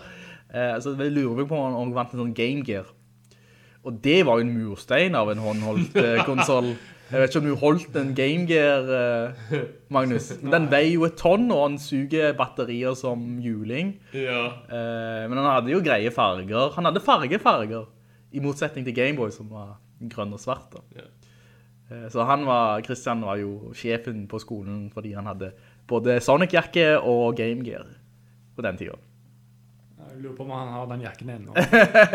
jeg blir overrasket. Da har ikke han vokst noe særlig på disse 30 årene. men, uh, ja, men uh, takk for uh, hilsen, Christian. Skal vi hoppe videre, videre til neste spørsmål? ja. Det vi har fått er en bokhilsen, eller en bokanbefaling fra eh, Katrine. Eh, og jeg vet ikke om dette sier dere noe, men jeg skal si hva hva forfatteren heter. Yuval Noah Harari. Ringer noen bjeller? Eh, det ringer ingen bjeller hos meg. Harari, det kan godt være. Hmm, Da skal jeg si titelen, for det heter Sapiens, en kort historie om menneskeheten. Oh. Sapiens har jeg hørt om. Så bra. Men eh, som dere sikkert kan eh, gjette, så er det en... Jeg, jeg, måtte se en YouTube-video av hva dette var for noe da. Eh, jeg tror det handler om menneskehetens utvikling fra, kan du si, uh, uhu av- med apekatter til der vi er i dag, og alle de oppfinnelsene og de store hendelsene som har ført oss til å være på toppen av næringskjeden og det dominerende kan du si, vesenet på jorda i dag da. Eh, men eh, klart det er sikkert veldig interessant for folk som liker liksom, det store perspektivet. Magnus, du skal jo bli en type historiker, så kanskje, kanskje du kunne vært interessert i denne type eh, litteratur. Vi har faktisk toucha litt innom akkurat det der eh, i et fag jeg hadde sist semester. Som var noe sånn teknologihistoriefag. Og, går- Og da var det liksom fra menneskets eh, begynnelse og til, til nåtida. da. mm. Da var vi jo i første forelesning, da toucha vi jo litt innom det her hvordan Homo sapiens ble det dominerende eh, menneskerasen, da. For det har jo vært eh, mange andre. For Mm. eh, og homo erectus og sånne ting. Så ja, det er, det er ganske interessant. Er det en fagbok eller en filosofisk bok? Jeg tror det er en filosofisk bok. Sånn. Det er interessant. Ja. For jeg har, Jeg, tenkt jeg, litt, jeg har tenkt litt på det da. jeg kjøpte en bok til deg. Jeg vet ikke om du har lest den. Nei, jeg har ikke begynt å lese den, det skal jeg innrømme. Eh, Det var Stephen Hawking. Ja, det var det. Det var det. Eh, Men uh, å ha å tenke litt på hvor lite et liv av oss egentlig i den store verden er jo av og til greit å tenke på, da. Hvis du tenker på eh, Altså, hvis du struggler med et eller annet, så må du tenke på ah, det, er jo, det betyr jo ikke så mye i den store sammenhengen, da. En annen ting jeg òg tenker på Vi er jo den dominante rasen, eller hva kan du si Spisien her i, i, i verden, da. ja. Ja, det var, jeg har alltid den interessant tankegangen hvis det kommer Jeg ikke om jeg opplever det Jeg opp, kommer til å oppleve det i min verden, men si det kommer noen fra verdensrommet Uterom, ja. som viser seg å være overlegen oss. Og vi plutselig ikke er den dominerende rasen lenger. Hvordan hadde vi tenkt Hvordan hadde vi eh, begynt å tenke over da? For vi, for vi Altså, kuer og alt det der, det ligger under oss. Vi kan gjøre hva vi vil med dem. Hadde vi blitt som kyr for den Ja, ja, ja, ja, ja, ja, ja. Så sier vi det kommer en, en, rase som er helt overlegen oss. Altså, vi har ingenting å si Vel, hvis de først har kommet seg til oss, yeah. så har de overlegen teknologi, for vi har ikke mulighet til å komme oss til de. Ja, ja, ja, ja, For de har, da har de fått seg teknologi til å reise gjennom rommet, noe vi ikke klarer akkurat nå. Hadde vi, med alle konfliktene i verden, hadde vi gått sammen og blitt forent, tror du? med, all u, med alle uenigheter som vi har nå. Det er jo sånn Independence Day, Ja, ja, ja, ja. en felles fiende. ja så vi er rasisme og alt det greiene. Vi, vi er skilt vekk fra hudfarge og alt det greiene. Hadde det kommet en, en eller annen, uh, ok, en under- utenomjordisk ufo som kommer ned og sier, ok, vi er overlegen, dere er mest. Dere er kveg for oss. Med bare kjøtt, og Ja, ja, vi skal ha altså- forsøksdyr. Ja, ja, ja, ja, ja. Hadde du, tro, tror du vi hadde gått sammen mot de? Jeg tror vi hadde tatt det ganske dårlig. Og ikke være den dominerende jeg- Kanskje hadde det mer konflikter? Tror, tror du hadde, vi, hadde det blitt sånn at vi hadde litt sånn Nei, ta de der de der med, ta de der med litt mørke hod. Altså, ta de andre først. jeg, jeg tror nok til å begynne med så tror jeg vi hadde blitt ganske tatt det, sant? Det første steget er sinne frustrasjon. Men så tror jeg, etter hva så tror jeg vi hadde begynt å samarbeide alle Ja, ja. på tvers av eh, Altså, ta, alle land. ta asiaterne først, dere. I, I mitt hode så håper jeg jo at vi kunne gått sammen. Altså, alle, alle, alle uenigheter og konflikter vi har i verden, altså, det, det, at det går vekk, og at vi kan For at mennesker som skal overleve, at vi kunne kommet fram. For uh, de som kommer, de, altså, de har De kan kverke oss med da er Det burde jo ikke være nødvendig med en uh, utenomjordisk in invasjon for at vi Ja, skal men du, begynne å men du ser hvordan verden er nå. nå. Du ser hvordan verden er nå. Ja, ja, ja. Det er, en- av og til er det litt sånn småtterier vi har konflikter om. En eller annen fyr har en annen hudfarge enn deg. Nei, da, da er jeg overlegen deg. Tilfeldige linjer som er trukket på verdenskartet. Ja, ja, ja, ja, Afrika, for eksempel. Det er jo bare linjal. eh, Ja, det er din kakebit, det er min kakebit. Jeg tar det som tilhører Altså, den er min, og den er din, og Det er mye fælt som har skjedd i verdenshistorien. Det, det har vi òg hatt om i eh, Ja, nå går vi veldig ut i tangenten for spillerverden, men, eh, men den boken der, hvis den er filosofisk, så er det jo mm. Kanskje, kanskje med, men Kanskje ikke med en liten insig, insignificant liten ting i verdensrommet. Du vet aldri. Ja, ja altså Vi er jo det. det betyr jo så lite. Altså, selv om du, du, du føler livet ditt er veldig viktig, for du, du er hovedpersonen i ditt Ja, liv, så i det store bildet så er vi bare fnugg i verdens I det kosmiske perspektivet så er vi ingenting, absolutt ingenting. Noen synes kanskje det er litt sånn dumt å tenke at du betyr så lite, men kanskje det kan gi andre folk litt sånn trøst. At du må bare ha det gøy og leve livet ditt, for Ja. det, det er det du har. Det er det, det, det vi har nå. Sant? Ja. Eh, Men det, det jeg lurer på, den boken er filosofisk på den? eh, Eh, ja, eh, det, det jeg så på YouTube-videoen, så snakket de litt om hvorfor mennesket har blitt den dominant rasen, og det er litt fordi vi har sånne eh, ideer i hodet vårt som egentlig ikke eh, som er ikke noe fysisk, men vi har liksom noe som kalles drømmer. Vi har noe Ja, ja, ja, som kalles forente Vi har noe som kalles land.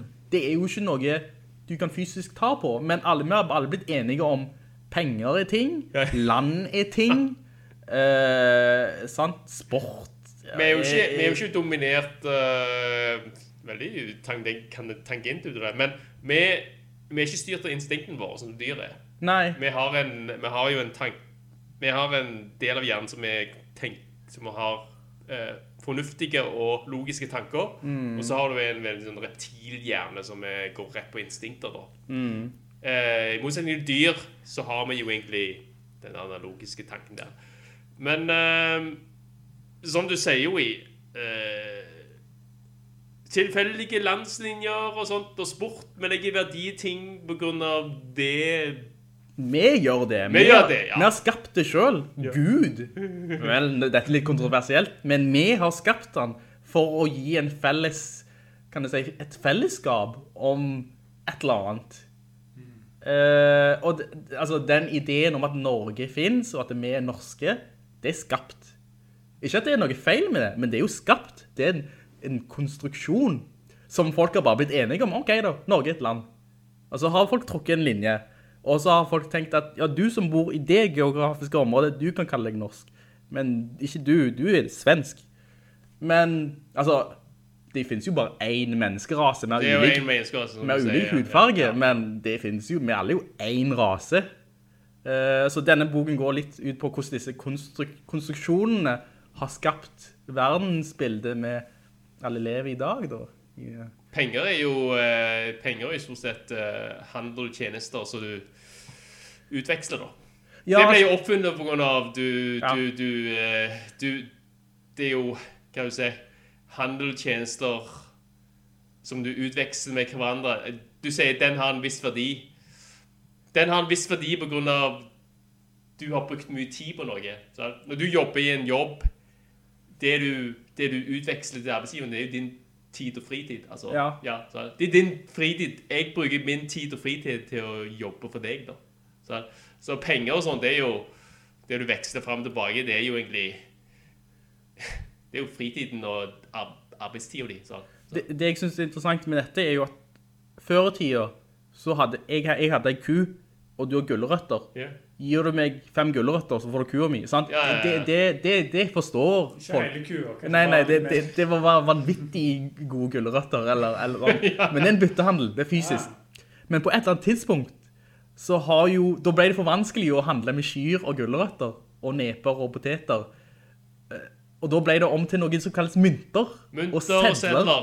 Men det er jo Og det er nå går metall, vel, sant? eh, Nå går det inn i matten. Da, sant? Altså, uh, hvis ikke hadde oppfunnet Det er på grunn av penger og sedler og sånt. Det, det symboliserer jo eh, det er jo symbolet på en ku, da. Selv. Ja. Selv. Plutselig så Men papir, det er jo fortsatt bare papir. papir og mutter, ja. Altså, altså, vi kan sikkert snakke om dette i hele Ja, det, det, det, det, det, vil du tenke. Men, men altså, penger er ikke verdt noe som helst. Det er vi som har tilegna det. Ja, de, nøyaktig. Sant? Så verden har blitt enige om at eh, 100 kroner er verdt så og så mye, og så og så mye dollar, og, så, og gull er verdt så og så mye. Sant? Så det ja. Vi sier ikke noe av dette galt. Vi hadde, vi hadde ikke vært der vi er nå uten denne framgangen her. Så. Det er ingen, ingen tid at vi hadde ikke stått her med PC-er og PC-er og eh, eh, strøm og alt det uten matten som ble oppfunnet og penger som ble oppfunnet. Mm. Men eh, Men det er jo noe galt med verdensøkonomien. Sånn, sånn som jeg ser det i hvert fall. Ah, Du mener sånn fattig og rik? Ja, ja fattig og rik. for, for så vanvittig mye penger blir overført som Altså, nå snakker jeg om sånne skjulte verdier som er i sånn Cayman-øyene og, og altså, altså, det er jo bare nuller og en-kroninger i et datasystem som noen, hvis de finner ikke nok, så kan jo hacke og bare overføre det. Det er fiktive ting som styrer verden akkurat nå, mellom de som har eh, makt da, eller kroner og øre som er ført frem og tilbake. Og jeg tror en del av si, opprøret i dag er jo det som skjedde med GameStop. At nå fikk plutselig folk, vanlige folk, en del av den makta. Av alle disse pengene som blir overført på aksjemarkedet. Ja, ja, ja. vis- ja. Og da, nå fikk plutselig makteliten sånn, å shit, skal de også begynne å ta en del av kakebiten? Ja, det, ja de, det var jo et opprør, denne GameStop-incidenten i Wall Street, men eh, altså Det er jo bare en liten del. Ja, altså, ja. altså, Wall Street er jo så mye Kanskje, kanskje håper jo det, det kan jo være starten på noe, men på, et, på en annen side, som ett år, så har sikkert folk glemt det. Da, Ja. Men eh, OK, det var en uh, interessant anbefaling, det. Ja, kanskje noe... Det er litt ute i tangent fra spill, men uh, Ja, men det- det- jeg, jeg synes folk vil, kanskje bare folk vil tenke litt større verden òg, i den større verden. Mm. Uh, jeg har et, et siste dilemma uh, som uh, kommer fra en en kar som heter Liam. Eh, og den er litt interessant fordi uh, han har lenge ønsket seg en PlayStation 5. Men uh, han har ventet på den siden den kom ut, men den kommer jo ikke. Uh, og vi har jo alle stått i kø, virtuell kø, for å kjøpe den. Loddtrekning blant annet. Eh, jeg har ikke stått fysisk ute og huttret men det har ikke vært mulig i noen korona. Men så tenkte han, i stedet for PlayStation 5, skal jeg kjøpe et VR-sett. Altså type Oculus. Åh, guys eh, eh, Hadde det vært meg? Nei. Nei, eh, altså Er det sånn at det haster at han må ha noe å spille på nå? VR, VR er veldig sånn Har han prøvd det? Så har, Ja, han- altså, han har prøvd det på sånn, eh, sånn VR-kaféer og sånn. ja, og jeg føler ikke det er nok spill og støtte fremover, sånn at det blir en skikkelig plattform. Kjøper du en PlayStation 5, så vet du garantert at fem-seks år fremover så kommer det, kommer det være gode spill. Spillselskapet kommer til å satse på den. Uh, store spill kommer det Folk kommer til å satse på, rett og slett. VR eh, Jeg føler det har ikke vært noen fullverdige skikkelige killer-apps, som de kaller for nå. Ikke- Det er ikke noe så eh, Ja, OK. Eh, men nå er vi snart i april òg, og det er vanskelig, enda vanskelig å få kjøpt en PlayStation 5, så jeg skjønner den jo. Vi vet jo ikke Vi vet ikke tid vi kan få en PlayStation 5. Dessverre. Eh, så jeg skjønner den frustrasjonen der, da. Men eh, eh, det er mye penger. Begge to koster mye penger, til syvende og sist. Mm. jeg hadde vært mitt råd, så venter jeg på PlayStation 5, da. Det kan ikke være så lenge til vi kan få tak i kanskje en, Altså- til og med en brukt en til fornuftig pris. Altså, hvis det er virkelig en PlayStation 5 han vil ha, Mm. men, ikke, men så vil jo jeg Mitt råd vil jo være å vente. da. Mm. Det kommer til å komme et punkt der eh, de klarer å produsere nok maskiner, og Ja. de klarer å få det ut og i butikkene og sånne ting. Så da ble det litt dumt å bruke masse penger på noe annet Mm. når det egentlig ikke helt det du vil ha. Mm. Eh, Jeg regner med at han har en PlayStation 4, da, hvis han eh, er veldig gira på PlayStation 5, da. Nei, det har han ikke. Har ikke det? nei? Har han, har han ingen spillmaskiner? Det er jo Switch. Ja, det skal vel komme nok bra spill på det dette året for at han skal holde ut, da. Eller kanskje han har en PC òg hjemme, så han kan ikke akkurat uh, spille på uh, den beste grafikken, men det kan holde ut til at han får en PlayStation 5. da. For så- så som Magnus sier, ikke bruk mye penger på noe som kanskje du ikke 100 vil satse på, altså sånn 100% gira på. Jeg vet at eh, Jeg er ganske sikker på at PlayStation 5 blir en bra maskin. For uh, mark altså, folk Spillselskapene vil satse på den plattformen der. Og Xboxen, som sagt. Hva hva er ditt eh, råd, da? Eh, vel, du, du, som du sier, så, så, så tenker jeg at VR-systemet er, er liksom begrenset i forhold til hva spill du får. Selv om jeg, jeg har jeg har lenge ønsket meg å teste Half-Life Alyx, som de sier er det aller beste VR-spillet du kan få på markedet i dag. Og er det Valve? Det er Valve, så. De har jo lagt en VR-briller som på en måte passer akkurat til, uh, til det spillet. Eller på en måte, det, det er så mye fingergefühl, og alt er så interaktivt i det spillet at uh, hvis du skal få den ultimate VR-opplevelsen, så spiller du Half-Life Alyx med Valve sitt eh, VR-system. Så, så er det er selvfølgelig mye spillglede, da, men selve det å spille VR kan være veldig Det kan være en påkjenning. For det er jo, du har liksom brillene på deg, du gjør fysiske bevegelser. Du spiller kanskje maks 1-1,5 time, så er du faktisk utmattet. Du er sliten, både i øynene og i kroppen. Eh, Så det er jo en ting, den fysiske biten med å spille. Eh, Men så er det også dette med at det begrenser spill og type spill som kommer på VR. Eh, Og jeg vet ikke hvor mange utviklere som støtter det. Eh, Og versus det å vente på en maskin du er ikke sikker på hva tid blir tilgjengelig. Eh, Men mitt tips som jeg har, jeg hadde jo vært å, å spille noe annet i mellomtiden og vente til sommer, kanskje. Eh, Forhåpentligvis, det blir- sommeren så er det litt bedre, da. forhåpentligvis så løsner seg. Eh, men, men klart, altså, folk er jo utålmodige. Folk vil jo ha spill nå. Eh, men eh, kanskje ikke VR er plattformen. Jeg hadde kanskje kjøpt en PlayStation 24, for det, det finnes jo mange gode spill. Billig, billig maskin òg nå, er ikke det? Ja, ja, den, eh, den, du kan få den brukt for 1500. Å, det er jo Så 1000 kanskje, men det spørs hva type modell du går for. Mm. Uh, Og iallfall en del spill framme nå ble kommet til å komme på begge plattformene. PlayStation 4 og PlayStation 5. ja, tingen er at du kan kjøpe spillet til PlayStation 4, og så får du en gratis oppgradering til PlayStation 5. Gjelder det alle spill? Ikke alle, Ikke alle men- men mange. se- ja. Ja.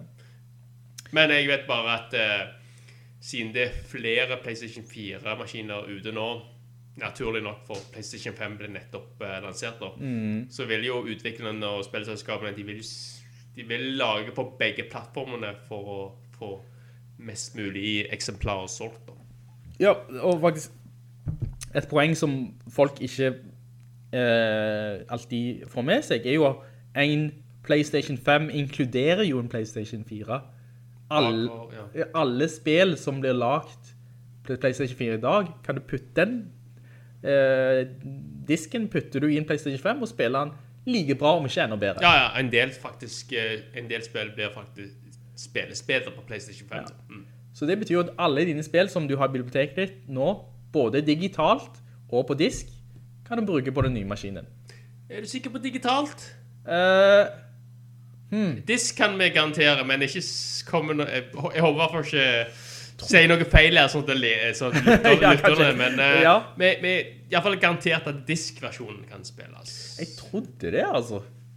Ja, men jeg kan med Ja, det, men det, dere får ta det med i klypa, altså. Ja, ja. Men, men uh, hvis du kjøper et spill digitalt til PlayStation 4, så, så skal det være mulig for i hvert fall de aller fleste å oppgradere til PlayStation 5. I hvert fall hvis du kjøper det nå, Ja. og at det er et nytt spill.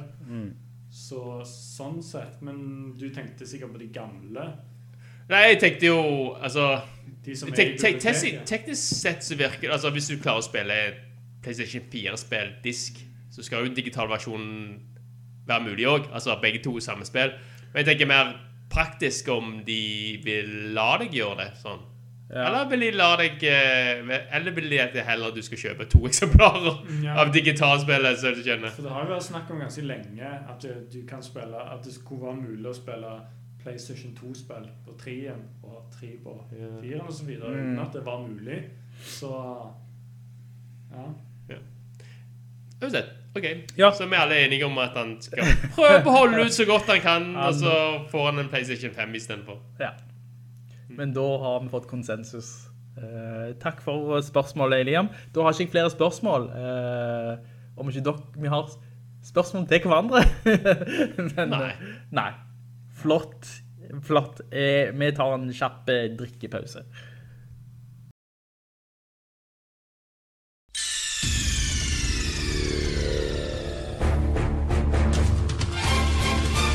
Superlig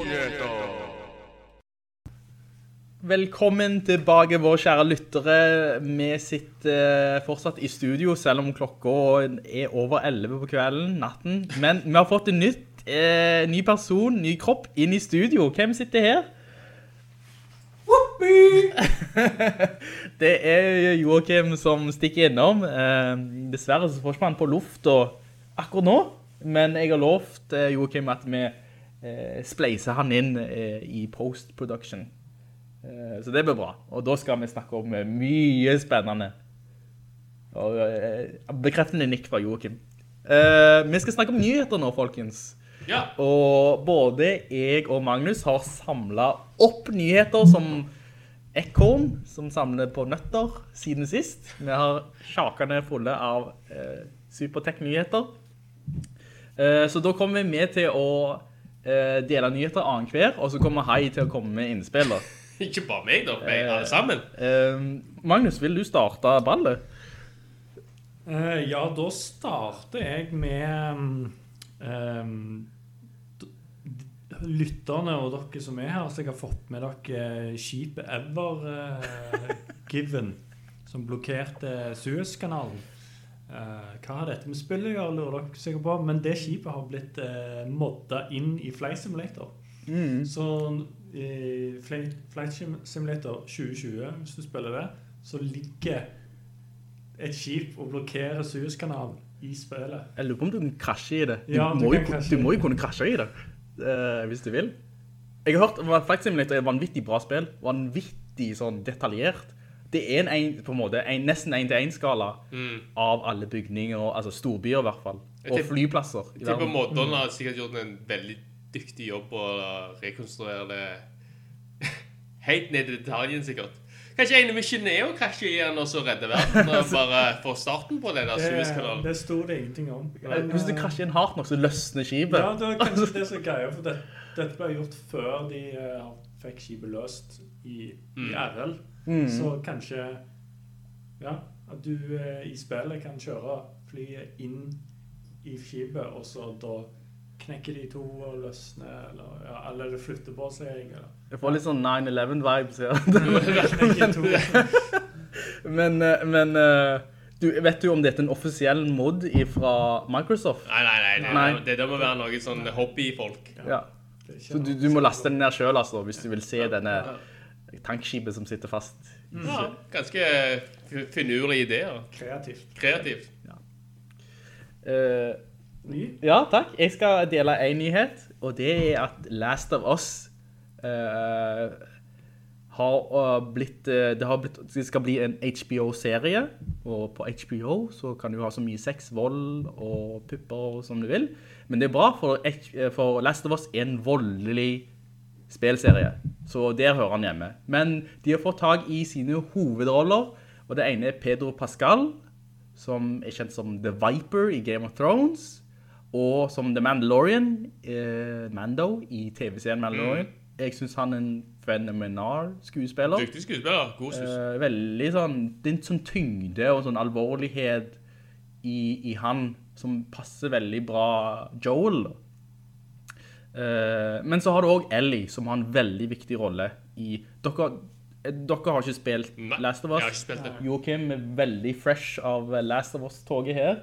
Eh, men, men det er viktig at disse to skuespillerne har en god kjemi, for i spilserien så er det så viktig, denne relasjonen. Det bærer hele eh, første spill eh, og andre spill, kjemien og relasjonen mellom disse to. Så det må også kunne overføres til spill, til, til TV-serien. Og da har du Pedro Pascal, og så har du, jeg vet ikke navnet på hun jenta dessverre, men hun var også med i Game of Thrones. Å ja, jeg, eh, Maisie Williams. Nei, det, det var ei hun heter, Jeg tror hun heter Lydia Mormont eller noe sånt. Eh, hun var en sånn ung eh, jente som overtok tronen i et av disse rikene i nord. ja, det er jo den eh, som hadde litt guts i seg. Hun hadde mye guts. guts. i, ja. Så Ja. når de hadde møter og sånt. Ja, så- jeg, jeg vet hva jeg mener, jeg husker med en gang. Eh, Så, Ja, hun hadde mye guts, og hun talte for Jon Snow. ja, ja, ja, stemmer, Og så skrev hun The King of the North! Eh, så det er våre to hovedkarakterer. Ja, så du håper jo at alt skal komme sammen i ett. Gode regissører, gode manusforfattere. Mm. Skuespillerne ser ut som de har mm, Iallfall den ene har en naila. Jeg, jeg har ikke sett nok av hun jenta til å Mm. vite om hun er god nok, men Pedro Pascal er jo dyktig. Så jeg håper jo at alt går Jeg som ikke til og med har spilt spill i er fan av spill, håper jo på en bra historie og zombie-historie. Ja, for altså, zombie-serie Zombie-sjangeren er Ja. jo kanskje litt sånn ja, Walking Dead, oppbrukt nå.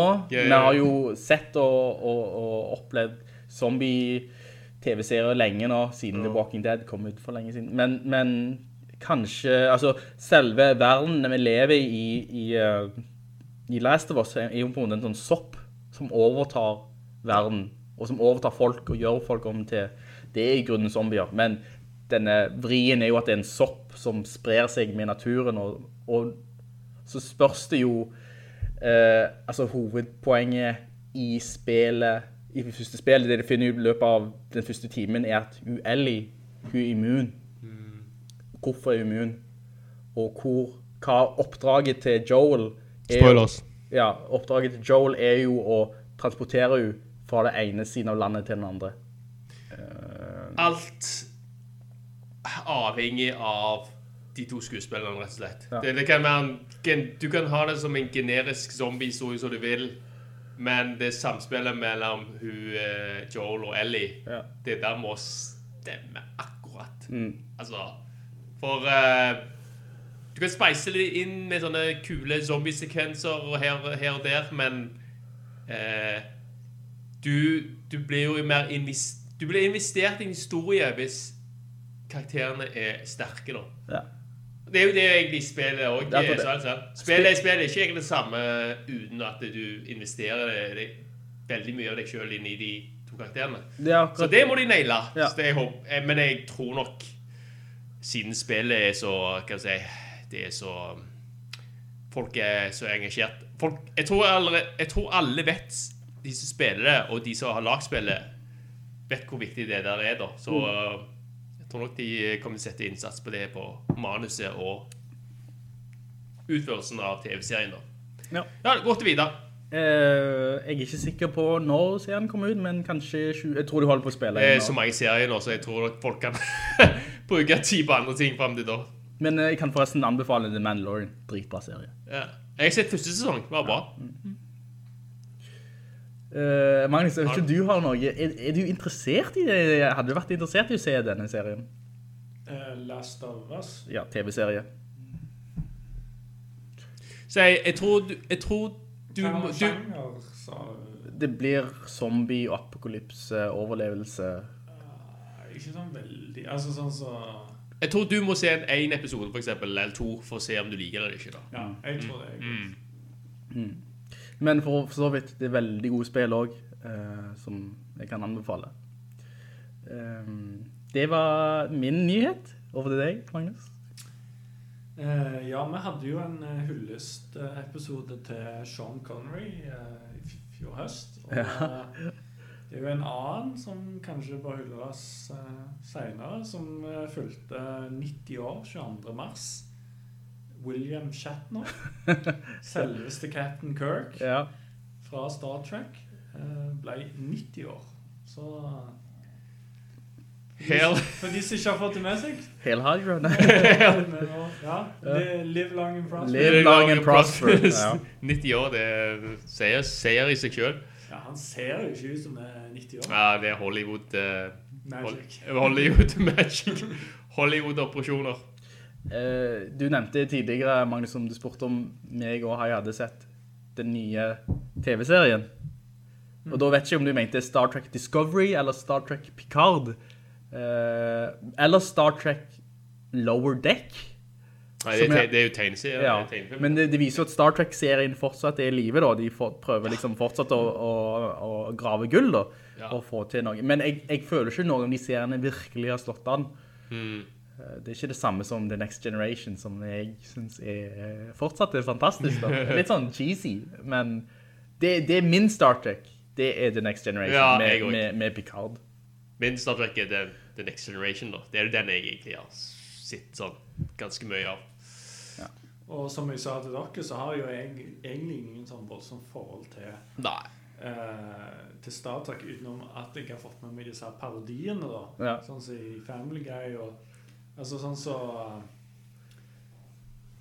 i, I Futurama, for eksempel, Mm. så er jo han ene eh, ja, det, ja, disse her seriene her som parodierer Star Trek. Ja, Der ser du at eh, Star Trek lever i beste velgående i popkulturen. da. Ja. Ting som blir parodisert på.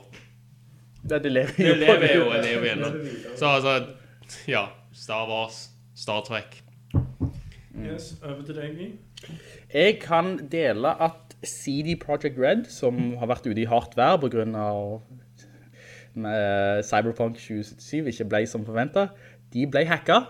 Serverne deres ble hacket, og sensitiv informasjon utvikler data, eh, som jeg tror både som ligger på en måte internt eh, i, som handler om Witcher-serien, men også eh, Cyberpunk-serien. Hva med fremtidige prosjekter også da? Det, Ja, det, det, det, det er ganske farlig, det, Ja. hvis de blir lekka. For det, det kan påvirke aksjekursen deres. det. Eh, det de hackerne gjorde da, var at de tilbudde denne informasjonen til høystbydende ute på det svarte Ja, ja, markedet. det stemmer. og visstnok så har det blitt solgt.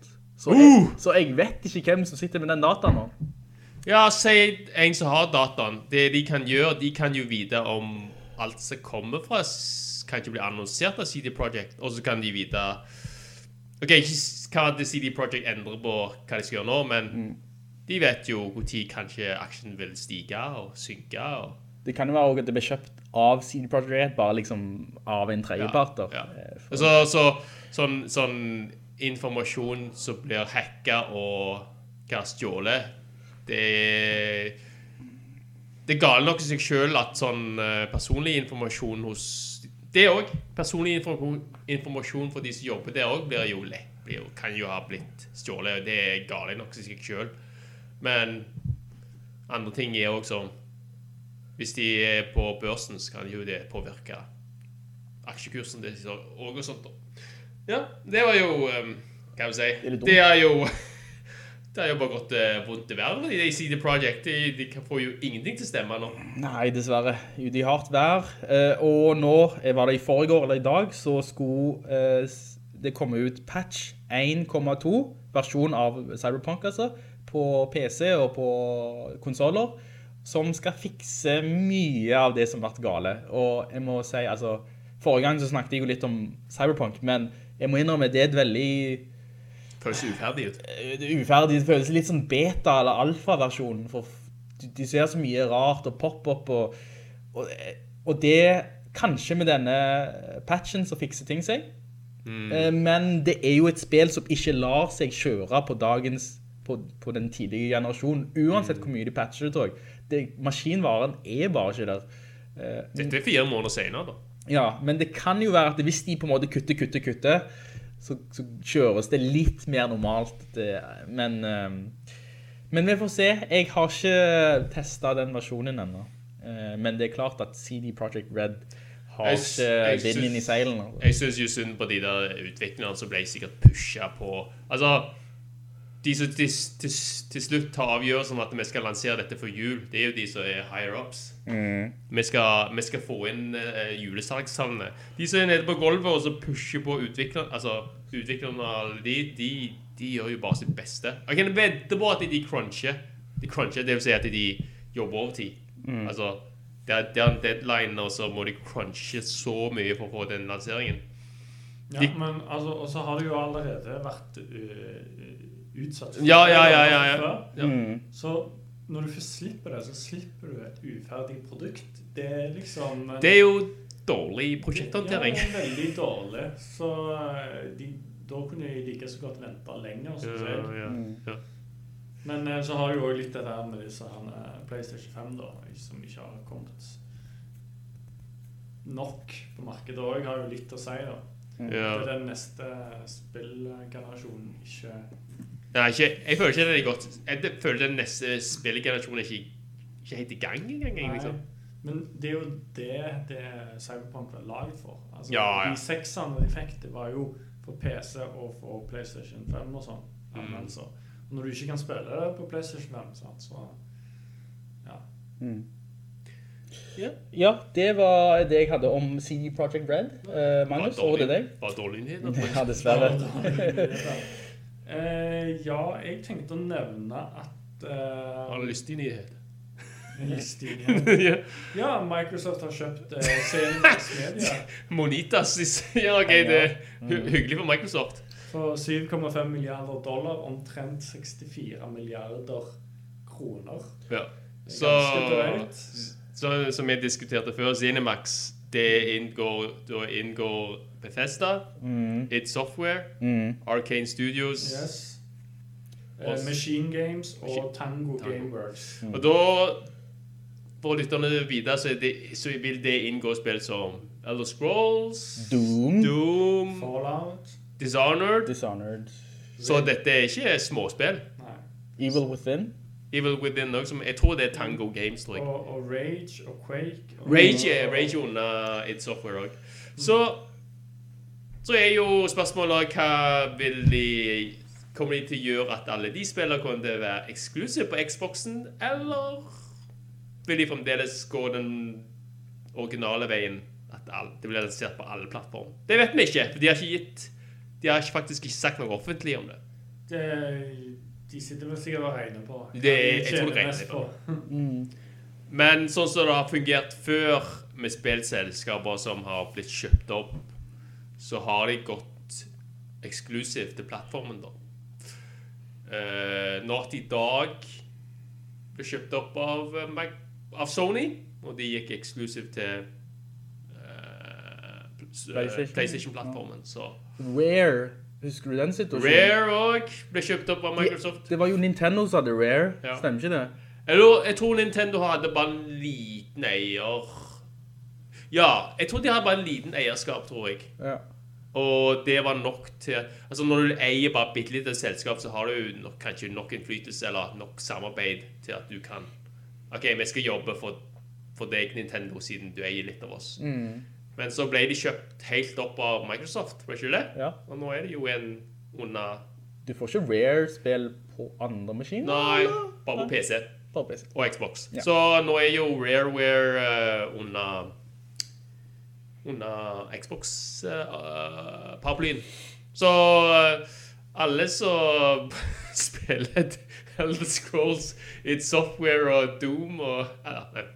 Så alle som spiller Elder Scrolls og Doom alt det der Ja, jeg får håpe håpe- Kanskje dere må skal kjøpe dere Xbox nå framover? Jeg håper faktisk ikke at det blir Xbox eller Microsoft. Men du, du spiller jo Doom-spiller. Si, si de har gått under Xbox. Du kan, da måtte du gått til spilte på PC-en din istedenfor. Æsj. Altså, min, min første reaksjon er, å nei, å nei. Jeg håper ikke det skjer.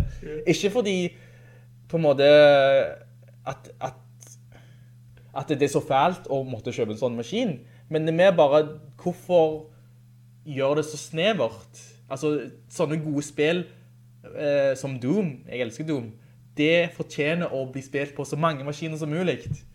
Og ved å begrense det til Xbox-maskiner og PC-er, så på en måte kutter ut publikum. Du, du kutter ut potensielle andre folk som kunne hatt gleden av dette spillet da. På den siden side så får du jo kanskje Microsoft solgt mer Xbox-maskiner. Ja, altså... Og kanskje abonnert mer på den gamepassen sin. Ja, altså, det er jo det er pluss og minus med å, liksom, å gjøre det eksklusivt, men eh, jeg ser for meg at disse spillene får mye mindre publikum hvis de blir eksklusive. Det er ikke men, alle eh, som kommer til å gidde, å, ok, nå kjøper jeg en maskin, sånn maskin fordi jeg elsker den serien. Men alle har en PC. Ja. Nå får du kanskje Vel, mer har alle en PC-er her? Har alle en gamer-PC som kjører dagens spill? Nei. Nei. men eh, OK, men eh, Nei, men eh, som sagt, de har ikke sagt noe offentlig ennå, så vi nå spekulerer vi i bildens sky her, da. Men, Mm. men eh, ja. Det, det oppkjøpet der, og det er ikke ditt oppkjøp. Det er Big riktig- Riktignok eh, det riktige av Magnus tar det opp, for dette, dette var et gigantoppkjøp. Men, men uh, Magnus, uh, når vi først er inne på oppkjøp og sånn, så tok jo Sony og kjøpte opp en spillturnering. Uh, jeg vet ikke om noen her har det på tunga si. Søren heller. Jeg tror det er sånn Evo et eller annet. Eh, det heter Evo. Det er jo, det er jo det, slåsses, Slåsse- slåssespill. og Sånn, ja. Og jeg er ikke helt sikker på hva det vil si for selve turneringen. Jeg tror de Men det har kanskje bare med branding å gjøre. Jeg tror de kommer sikkert en spillturnering av mye fighting-spill. Det er mulig. Du, du, Nei. du kan ikke liksom gjøre så mye der. Altså, det, Jeg skal, de- skal, skal alle spille PlayStation? Nei, nei. Det, liksom, Jeg tror det er bare de vil ha stempelet sitt sånn øverst. de kan Sony presents ja. Evo. Jeg tipper, jeg tipper du kan uh, bare ha Sony-navn på alle promoteringsting. Mm. Alle klipp, alle livesendinger skal Mm. Ja. bare Sony-navn. Ja. ja. Sånn sett så gir det jo mening. Ja. Men sorry, Magnus, var det mer med dette oppkjøpet som var viktig å, å dele? Utenom at Microsoft har mye penger og Ja, de har vanvittig mye penger. Og, Og, og dette, dette er jo en strategi de har på en måte uh, Dette er ikke start, de, de har kjøpt opp ting tidligere òg. Ja, ja. Nå, nå har vi jo diskutert litt, men her står det jo faktisk det vi har snakket litt om. Uh, når oppkjøpet er fullført, så planlegger Microsoft å slippe alle Zenimax mediatitler på deres spillabonnenttjeneste Game Pass. GamePass. Mm.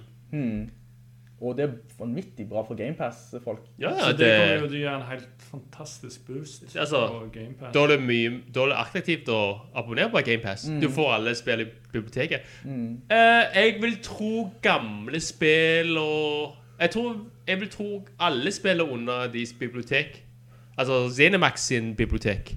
Vil eh, komme opp på GamePass òg. Det vil si gamle Elder Scrolls og Ja, gamle ja, Doom. Ja, ja.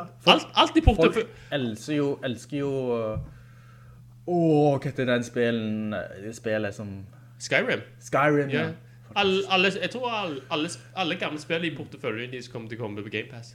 Og så sto det òg at det er en ny uh, Elder Scrolls Ja. på vei. Det er big. Det er stort. Det er big. Det kommer til å være populært og mm. stor begivenhet. Og så står det 'Exclusive på Xbox'. Ja, da, da så går uh, alle bananas. Play it first, Game ja, ja, ja, ja. ja.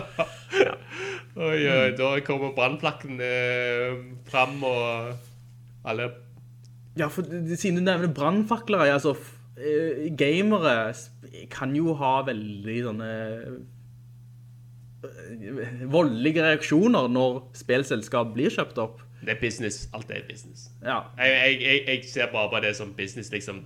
Folk får reagere. Microsoft vet de kommer til å reagere, men for de så er det bare Det er det er en good, good business decision. men hva, syn, hva syns du om at spillere på en måte begynner å boykotte, eller begynner liksom å bli sinnssykt harniske, fordi eh, deres eh, favorittspill har blitt kjøpt opp?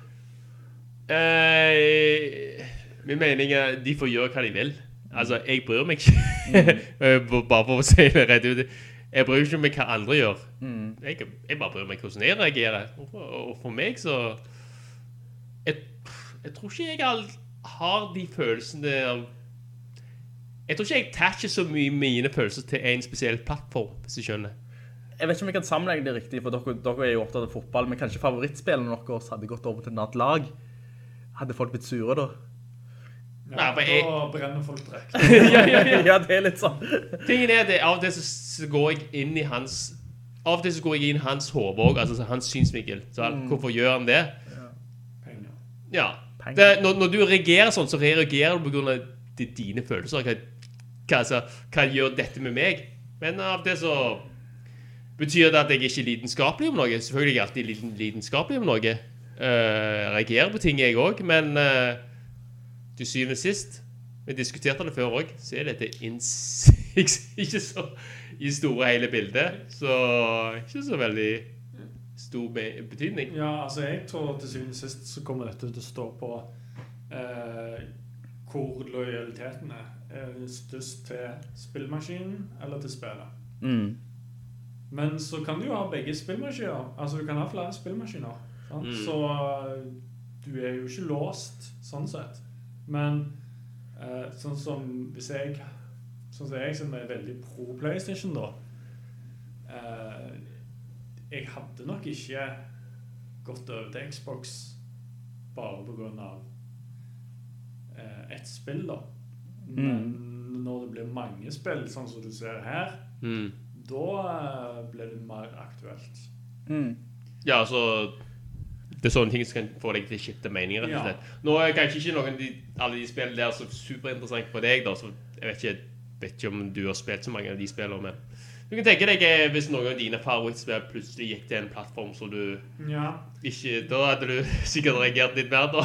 ja altså liksom ett sånn ja, Fi- Fifa, FIFA kun på Xboxen nå. Ja, eksklusiv. Altså, jeg, jeg, jeg nevnte jo det tidligere med Du hadde sånn icons på Fifa som var Som, som er liksom tidligere storspillere. Sånn som eh, Ronaldo og mm, eh, Fett Ronaldo. Ja, fe- fett eh, Ronaldo. Original Ronaldo. Fett, ja, Ja. brasilianske Ja, er- Ronaldo, er- Zidane og Figo og så videre. Ja. Og de var, de var i en periode kun på Xbox. Ja. Eh, Så selve spillet var jo ikke eksklusivt kun for Xbox, Ja. men disse her med tidligere storspillerne var kun eksklusive. Nå fins de på PlayStation òg, men jeg husker det var veldig surt. Jeg husker jeg hadde veldig uh, Sette, jeg, eh, diskuterte med en kompis som skulle gå over til Xbox. Du satte i gang komponerte mailen til Bill Gates eller noe Ja, sånt. det endte med at vi ikke gjorde det. Men, uh, ja. Dear, dear Bill Gates. I want my icons. Eller, det var, det var timed Det var timed exclusive på Xbox, var det det du sa? Ja. Ja, det var ett eller to år, så var det bare Det er ganske mye, det. det skjønner jeg. OK, da, ok, men uansett, det er det kan jeg si Det Det er ikke en liten nyhet. Jeg syns det var en stor nyhet. Jeg.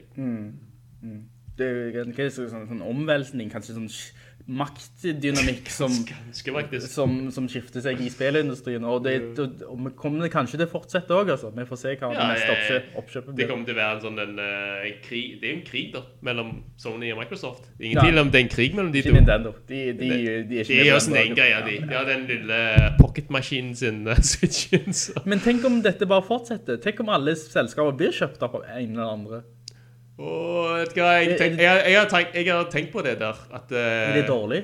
det, det er jo ikke bra. Det skaper jo en monopol. Ja. Det er en type monopol, ja. Eh, hvis det er for uh, ja.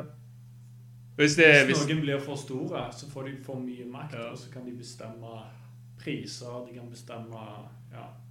ja, for nå, nå, nå er det jo uh, Det er mye sunnere å ha et marked der det er mye, mye altså, små uavhengige utviklere og spillselskap. Fordi da kan de kanskje få mer kreativitet og sånt, og de små selskapene kan eh, OK, de må være litt store hvis de skal ha penger å rutte, men, men jeg, jeg føler de kan uh, ta litt mer sjanser og sånt. da. Går du under Microsoft-umbrellaen, så er det mye sånn Ja, vi må følge Microsoft sine ja, planer og roadmap framover. Tenker litt mer frihet, liksom. Ja, de som iallfall er tredjepart som er helt for seg sjøl, jeg tipper Jeg tror nok de får litt frihet under Microsoft òg, men eh, kanskje Praktisk sett så er kanskje de mer, litt mer frihet hvis de er uavhengige, da.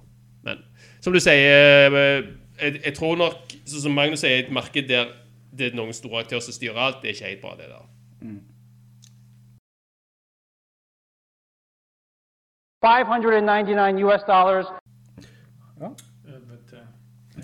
Takk for den. Jeg liker hvordan vi kaster batongen eh, frem og tilbake. Eh, Det er ikke som stafett.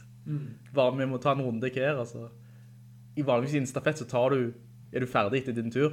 Men nå må vi ta en runde annet Ja. Eh, jeg skal bare dele at vi alle samtidig samtlige i dette rommet, tror jeg, har vært med på PS5 loddtrekning for å kunne kjøpe en maskin. Og det er egentlig galskap at vi kommer i loddtrekning bare for å kunne kjøpe en hersens PlayStation 5. Når du, da du sendte melding med, så tenkte jeg sånn Ok, dette er en fin sjanse. Nå kan jeg vinne. Nå kan jeg vinne, nei, nei, nei, nei. Så, så, så, så måtte jeg lese konkurransen. Så tenkte dette er sjansen for å kjøpe en PlayStation 5. vær så snill, kan jeg kjøpe? Vær så snill, liksom. Eh, det er galskap.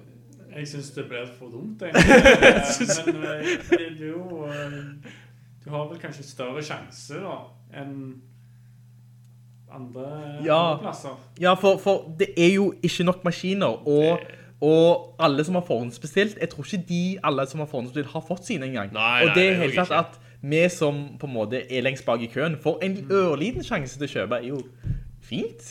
Men det bare føles så parodisk. Så, så, så Ja. komplett dreier jo seg eh, ganske kraftig ut der med å selge maskiner de ikke hadde. De har jo ikke klart å levere nok maskiner. Mm. Eh, Mm. De som har forhåndsbestilt.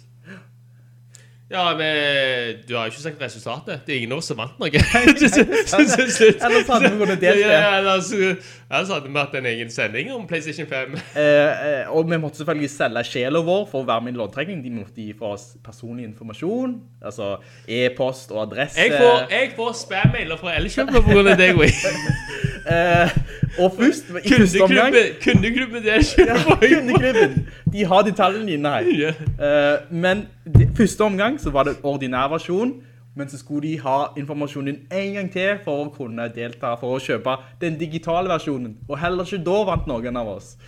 Så dette er jo bare trist. Eh, Jeg, hey. Magnus, var du med i loddtrekningen på noen av de der? Nei. Nei, du, du, du tenkte ikke det var verdt det. Jeg synes det var ikke med på, han var ikke med på Altså, Hvis det er loddtrekning, så vil jeg vinne noe. Ja. Jeg ikke Han, han, han, han er sånn som sluntrende på dugnader og sånt.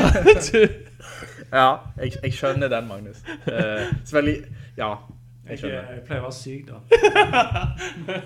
uh, men uh, siden vi snakker om PlayStation 5, så, så følger jeg jo med på finn.no, bare for å se hva bruktprisen er.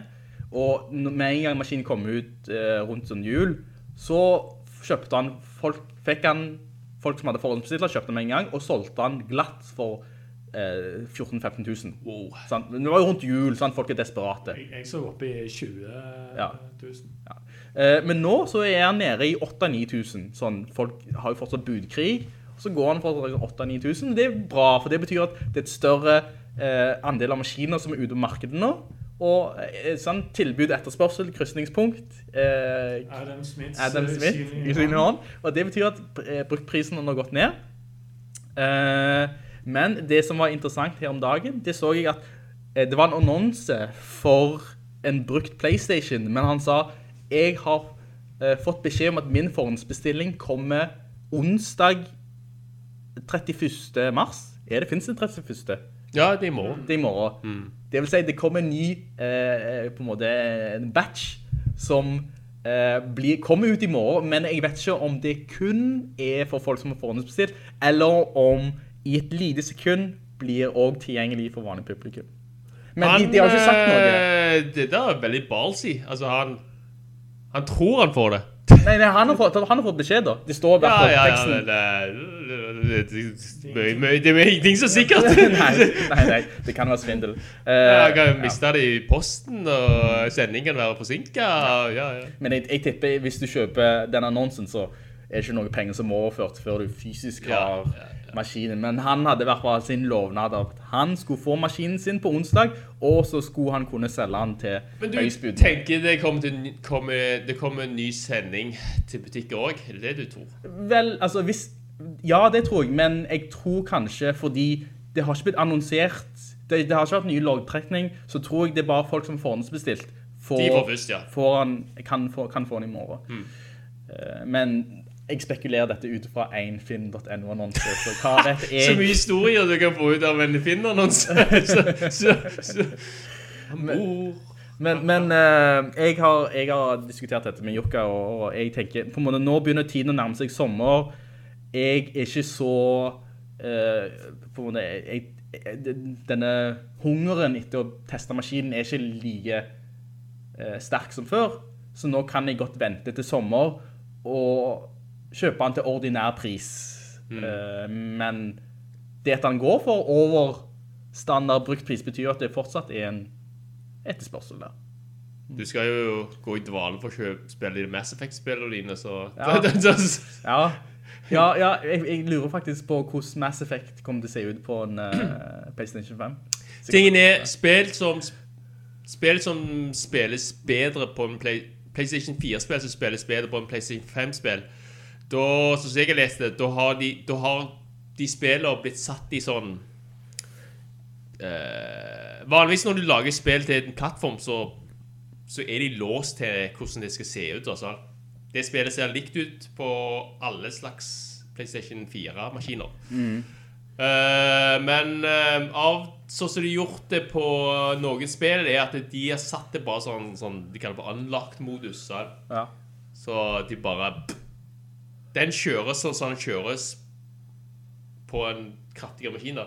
Ja. Det er liksom du, du har en, eh, du har en svag PC, har du en kraftig PC. Hvis du spiller spillet på en svak PC, så kjøres det annerledes ut enn på en kraftig PC. Noen av uh, PlayStation 4-spillere som ble lagd i denne Pro-en, Ja. de har en sånn unlocked-modus. Ja. Og da kjører han uten noen begrensninger. Så hvis du kjører han på en Pro, så kan det være at han kjøres bra. Setter du den på PlayStation 5, så bare bruker den alt som er der, da.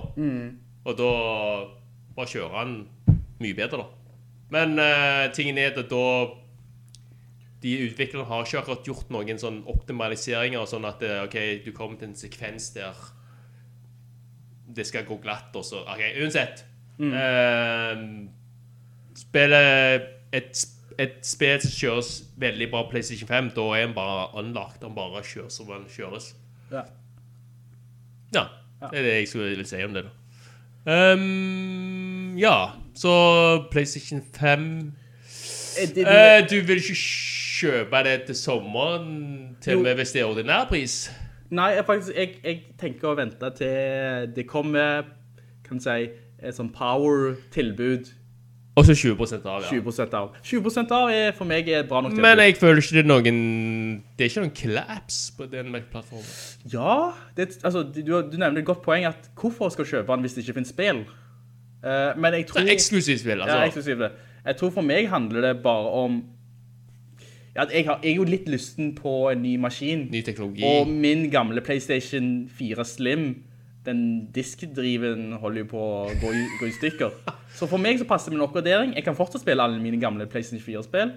Uh, så det blir for meg en...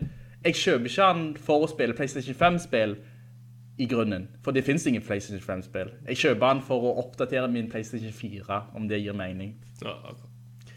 Nei, for jeg føler bare den nye plattformen ja, Den nye generasjonen her har vært en sånn, sånn liten soft launch. Da. Altså, Ja. Som jeg sa til Magnus, jeg føler ikke den er sånn veldig godt i gang. Det er ikke sånn mange eksklusive spill ut, så jeg føler jeg må teste ut.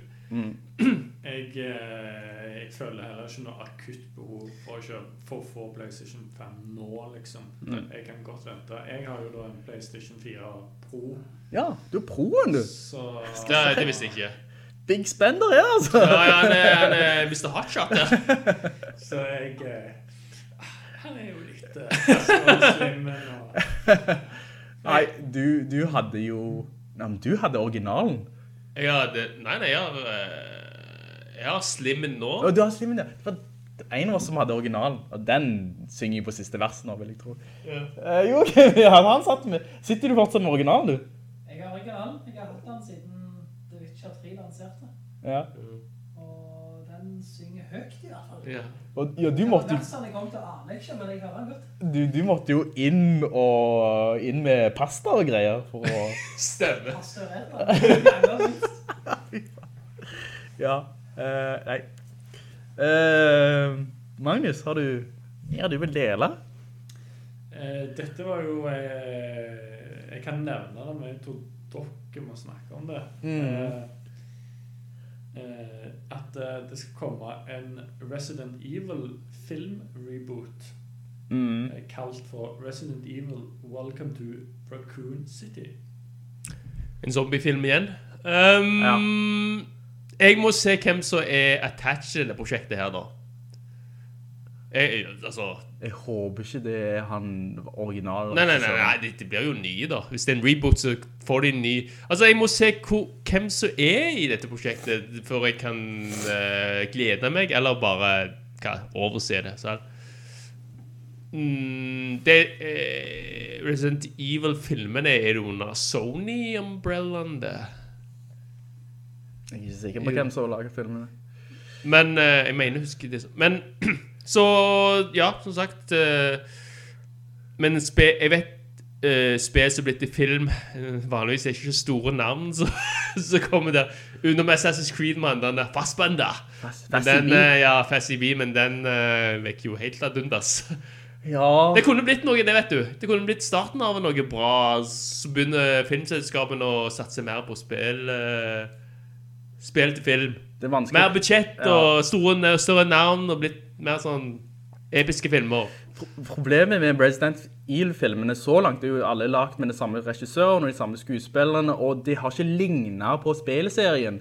Det, Det er sin egen greie. Det er sin egen greie. Og det, det, altså, de, de nevner jo sånn, ja, dette var Umbrella Company, og så har du innslag av disse folka, så, Redfield og sånn, men de har ikke vært det samme som spilserien. Jeg vet ikke om du vil Nei, eller ikke. Men det er kanskje dette det vil gjøre da, for det heter jo Welcome to Raccoon City, og Raccoon Ah. Ja, City ja, er jo der det foregår. Jeg tror de kommer til s- de kommer til å være et mer autentiske spill. Altså. Ja. Med samme med Chris Redfield og alle de karakterene. da Og originalspillet var jo, det var som sakte zombie. Ikke sånn hyper raske zombier og zombier som flyr, altså ting har de tatt helt av i de nye filmene. Jeg tror de må gjøre noe friere der, for en, en treiggående zombie er jo ikke skremmende. Nei, men du kan gjøre det skremmende i en film hvis du gjør det riktig. Jeg synes sånne springer løpende zombier er skremmende. Mer skremmende. Nei, men altså, ja, men det er en annen type zombie. Altså, tenk deg en mer, en sånn ekkel film som setter stemning, og ikke bare er sånn action-zombie. Det finnes jo skrekkfilmer som klarer å gi deg en ekkel stemning, og der en zombie kan liksom gjøre at du blir redd, da. Eh, som på en måte var stemningen i originalspillet. Men alle Resident Evil-spillere er jo I bunn og grunn så er det B-film. Altså. Ja, ja, det, ja, det, ja. det er sånn cheesy Ja. B-film-dialog.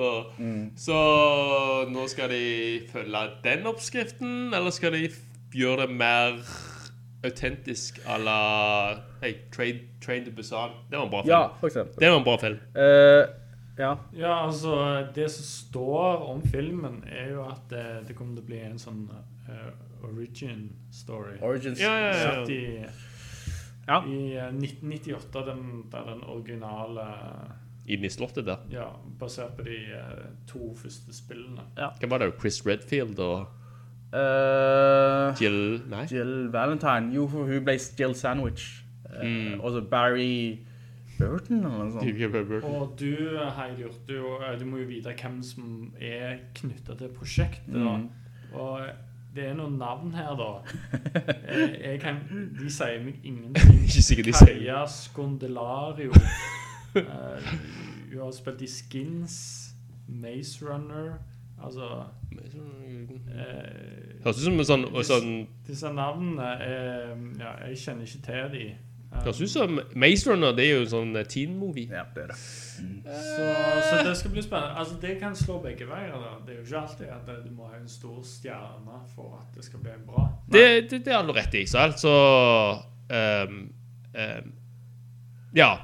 eh, Det er mange sånne gode filmer som har uh, små budsjetter og små skuespillere. Så jeg skal, jeg skal ha et åpent um, Jeg må se traileren først. Så skal vi så Jeg har åpent sinn. Jeg, håper, jeg håper jo fra hele mitt hjerte at alle sånne spill til film eh, filmatiseringer blir bra, da. For Ja. altså, altså, jeg har jo, er optimistisk, så Ja, det, de, ikke, de er ikke akkurat kjent for å bli sånn kjent. Nei, det er det jeg ser. Alle sånne spill til film, eh, filmatisering har, har vært litt sånn variabel kvalitet. Men det står det dato-lansering. Det ble det 2022, vil jeg tro. Eh, se- 3. september 2021. Hæ? Ah, ja, Var i det, år. ny, var det nyheten? Ja, Nei, at det skal- skal det komme? Ja, den- September i år? Re release date. 3. september. De, de spiller inn filmen august, og så kommer den ut i september. Da, Ok. da, Ok, nå vet jeg ikke om det er bra eller ikke, altså. da- Det er også som haste- hastefilm. Nei, det står at eh, de begynte å filme i oktober 2020. Ok. ja, Så Gi meg traileren. Gi- et år. Give me, give me the eh, trailer. Men det er mye på ett år. Filminnspilling vet ikke hvor mange de, Men det er den post-production med editering og effekter. Det tar ganske lang tid. Der. Så de prøver jo å spille inn så mange scener de kan på en kortest mulig tid. da.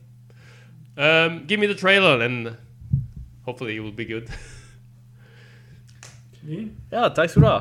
Uh, vi skal snakke litt om uh, online-presentasjoner, for det er faktisk en del eh, selskap eh, som har gitt ut en online-presentasjon eh, for å markedsføre kan si, fremtidige prosjekter.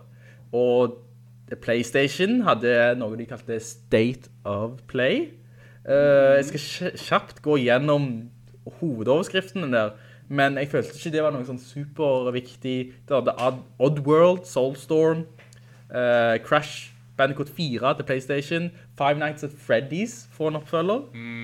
Eh, uh, og så eh, Deathloop, den ser jo for så vidt interessant Ja. ut.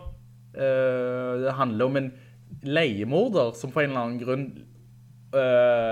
opplever den samme dagen om igjen. Men alle utnytter han, så han må ta ut fienden. Jeg tror du i løpet av spillet lærer ut hvordan du tar ut hver fiende, men etter hvert så må du gjøre det i en hel sekvens da. Eh, men jeg tror dette premisset er interessant konsept. Eh, og den raste nyheten ifra eh, PlayStation State of Play var jo Final Fantasy 7 Remake Integrate. Som er en munnfull. Men jeg visste ikke helt at dette var når jeg så på det. Jeg trodde det var episode 2. Men dette er bare en oppgradert versjon av Resident Evil 7, som jeg holder på å spille nå. Men denne Du sa, du sa Resident Evil 7. Nei, Resident Evil. Final Fantasy 7. uh, Eh, nå har det vært så mye Resident Evil-snakk. Eh, Final Fantasy 7, som jeg spiller nå, den oppgraderte versjonen Uh, Nei, altså, dette er ikke en oppgradert versjon. Dette er PlayStation 5-versjonen. Eh, for, altså, for du kan jo spille 7 PlayStation 4-versjonen på en PlayStation 5, eh, men dette er den eksklusive PlayStation Down-versjonen, og den heter Integrate for en eller annen grunn, og så får du en ekstra sekvens med en egen, det er en sånn egen bit av spillet som du ikke har sett før da. Mm. Så det er på en måte deres måte å lokke spillere på. Eh, det var PlayStation sin. Jeg vet ikke om dere har øyeblikkelige reaksjoner på det. Jeg så den sammen med deg. Jeg Ja. synes det var helt grei. Ja. I hvert fall, eh, Vi så iallfall hva som kom på PlayStation 5. i hvert fall. Mm. Altså, det er veldig stille nå for tida, og jeg skjønner jo det fordi det er Pandemi. Eh, Square Enix hadde en presentasjon, og der snakket de om det nye Life is Strange, som er jo sånn indie-spill, og handler litt om ungdommer og følelser, og... Uh, er det er ganske populært. Mm. Jeg holdt Eh, jo på å spille en, en stund, så Jeg har ikke fullført det nå. Nei. Eh, jeg, ikke, jeg tror ikke helt det er den type spill, Magnus. Eh, det er en sånn type rollespill, men du skal snakke med folk, og så skal du på en måte vite de... Litt overnaturlig, men Ja, eh, du kan se følelser og tankene deres, og så skal du liksom hjelpe dem på vei da. Mm. Magnus virker litt emo, så det er sikkert det passer han. uh, du har også Outriders, som er Square Enix sin type... Oh, Ja, eh, Hopper på den bølgen der, ja, det de- skytespillet. De prøver å få disse eh, Destiny-pengene. Mm. Sånn, og Magnus, jeg spurte om du ville spille Outriders med meg, uh, den demoen.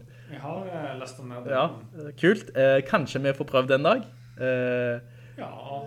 men, men det er litt sånn... Det så ut som Destiny. ja, det er litt sånn skyting og hipp hurra og cowboy-taktikker. Ja.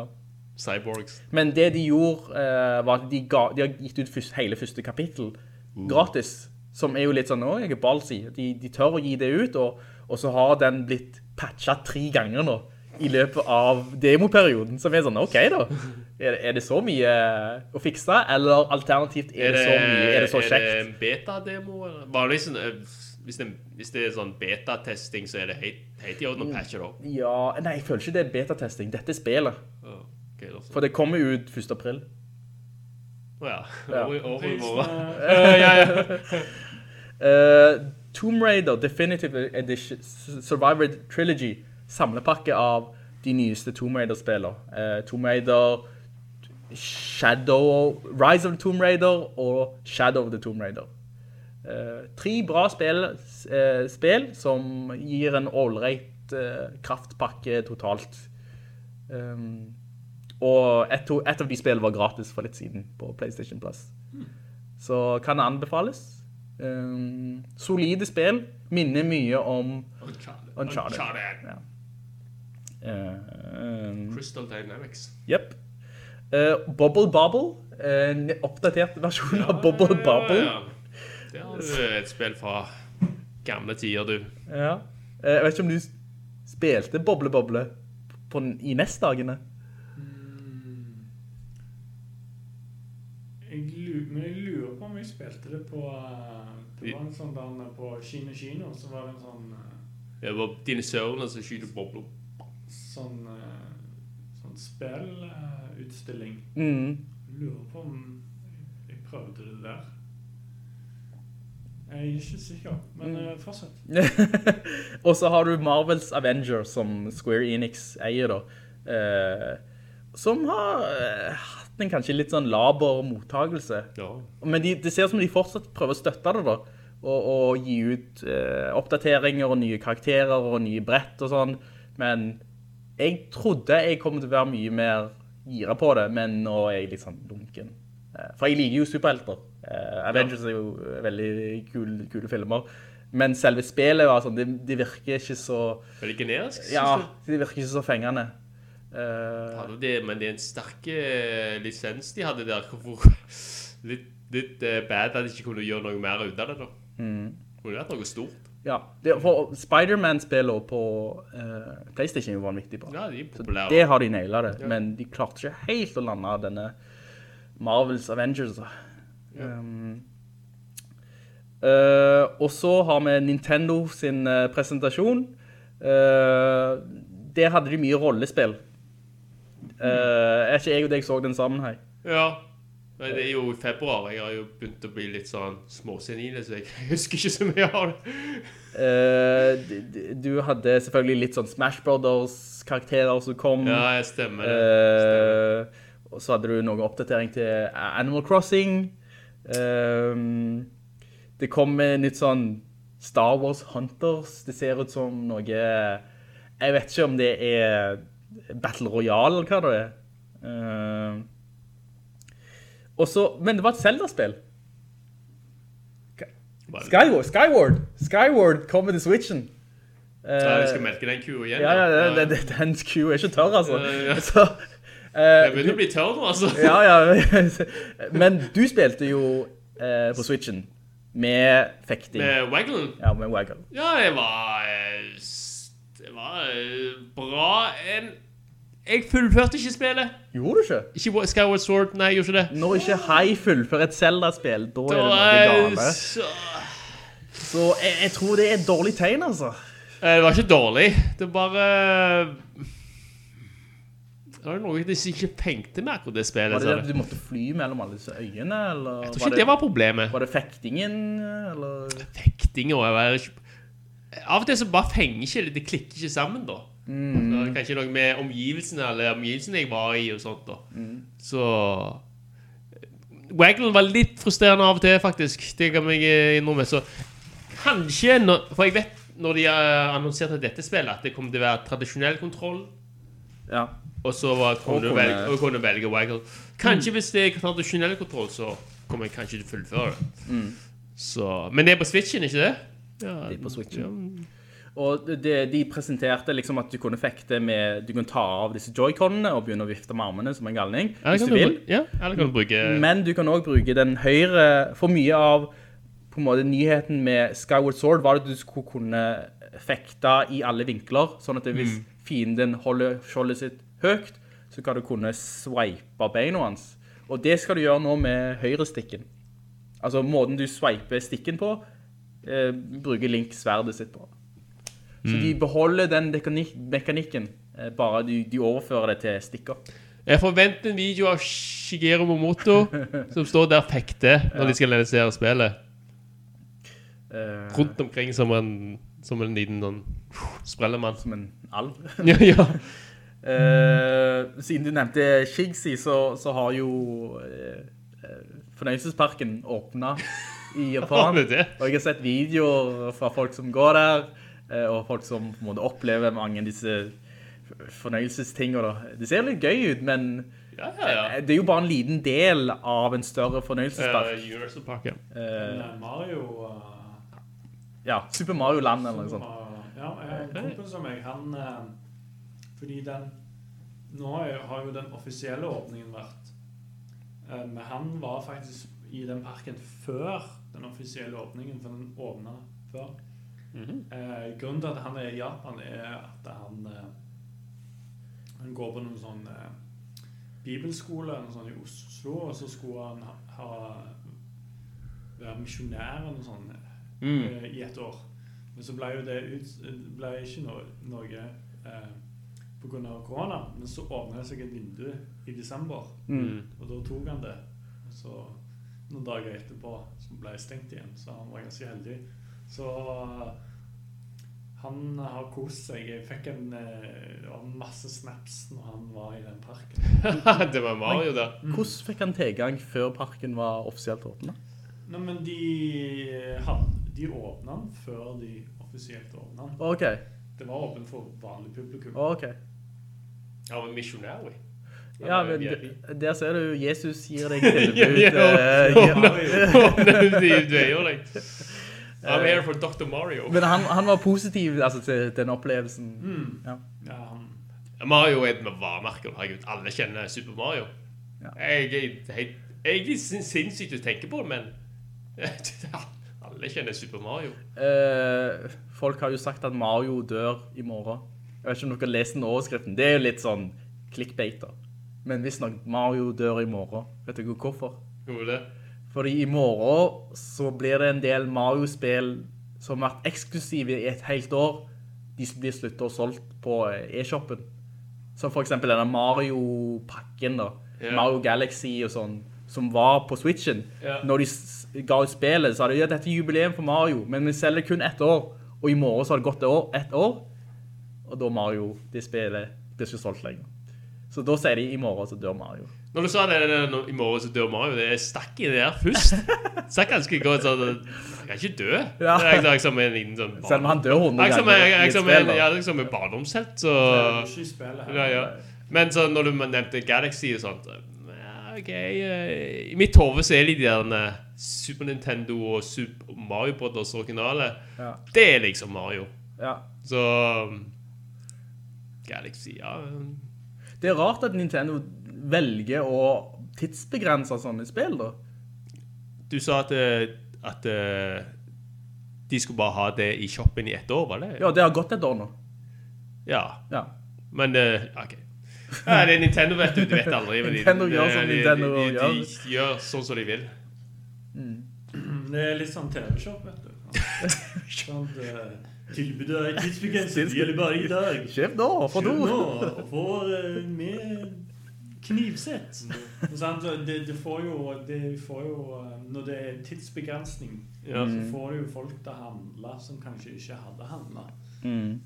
fordi det, sant, det er bare en viss periode. Så eh, Jeg kan jo bare si eh, På grunn av etterspørsel så har vi forlenget fristen med ti, Ja. ti dager. De kan jo gjøre det. Altså, De kan jo si at eh, Ja, det Nei, vi bestemte oss siden det var så stor suksess, så velger vi å Litt teit, selge den nå. litt teit eksempel her nå.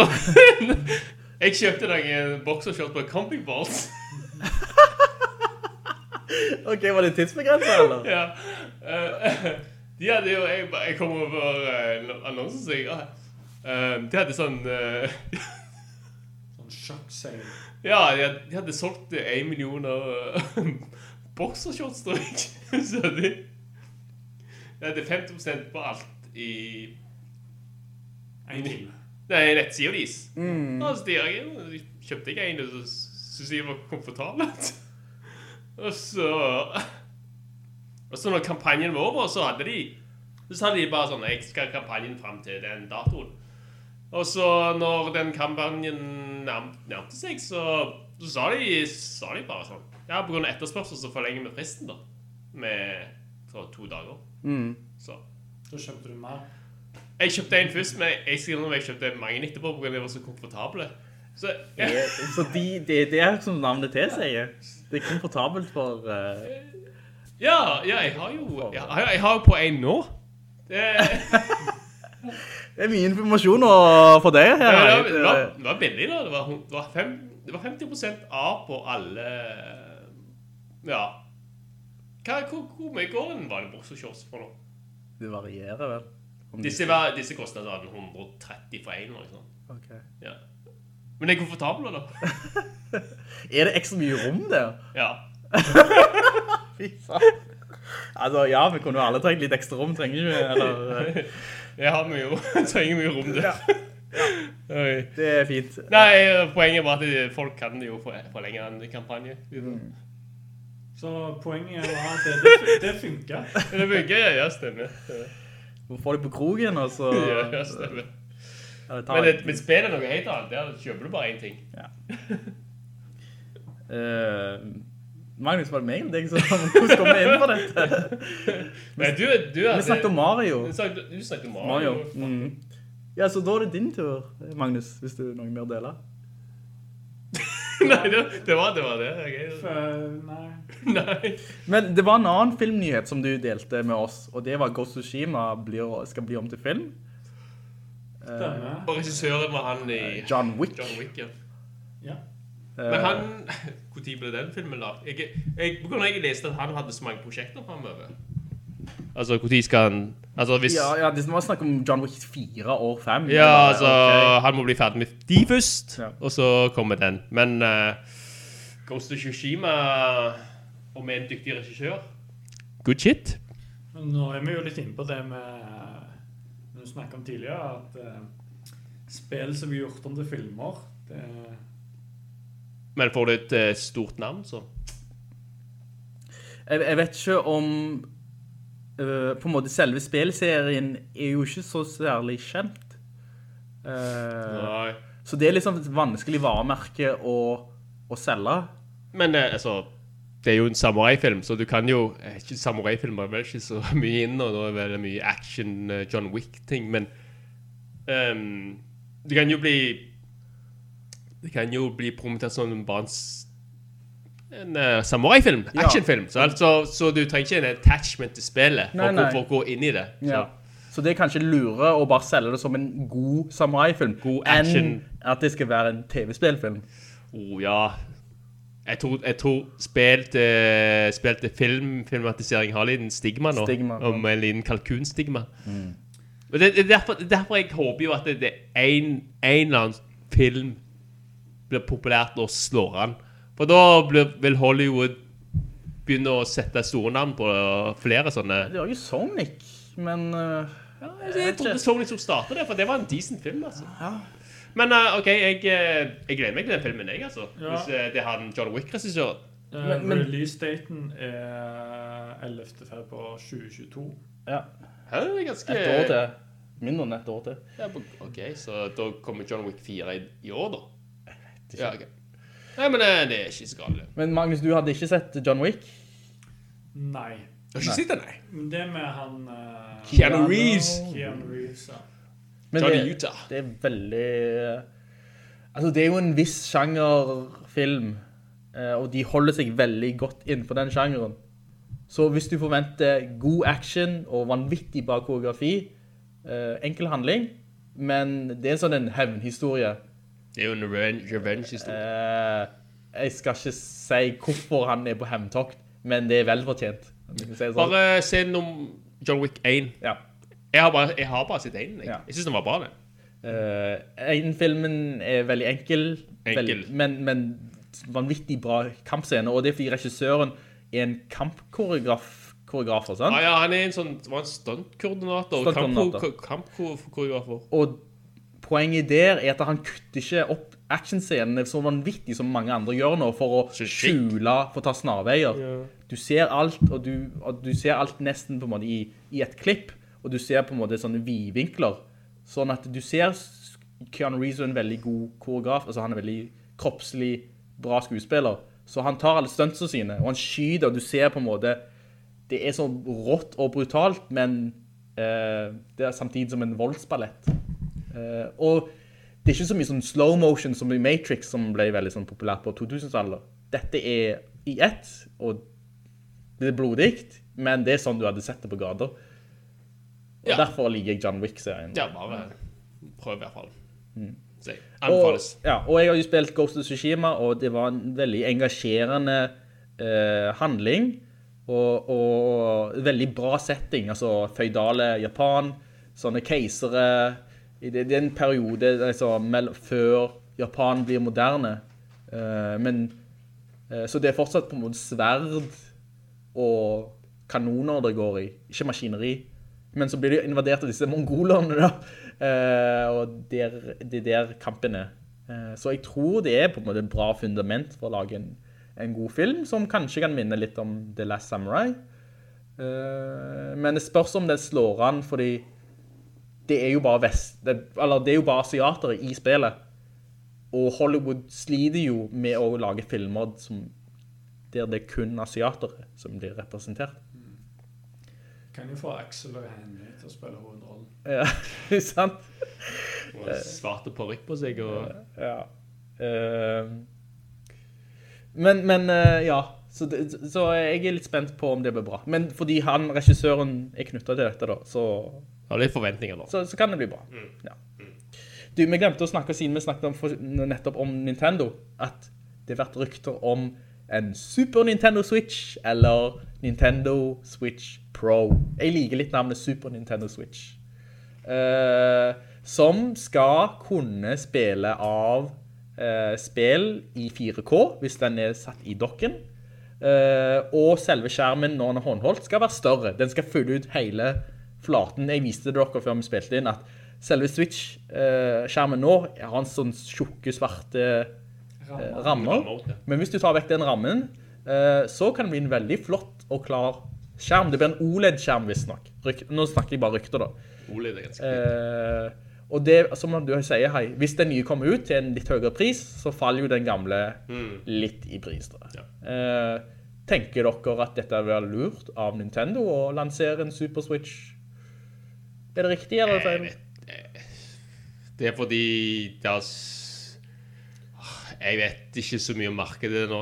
Eh, Men den som du sa, så var det jo det at de At Nintendo på en måte De konkurrerer jo ikke mot Xbox og Nei, de har sin egen greie. De De, har sin egen greie. Ja, så jeg tenker på Hvis de er i sin egen gruppe eller ikke, så hvorfor kan ikke bare ride den der Switch-bølgen litt til, da?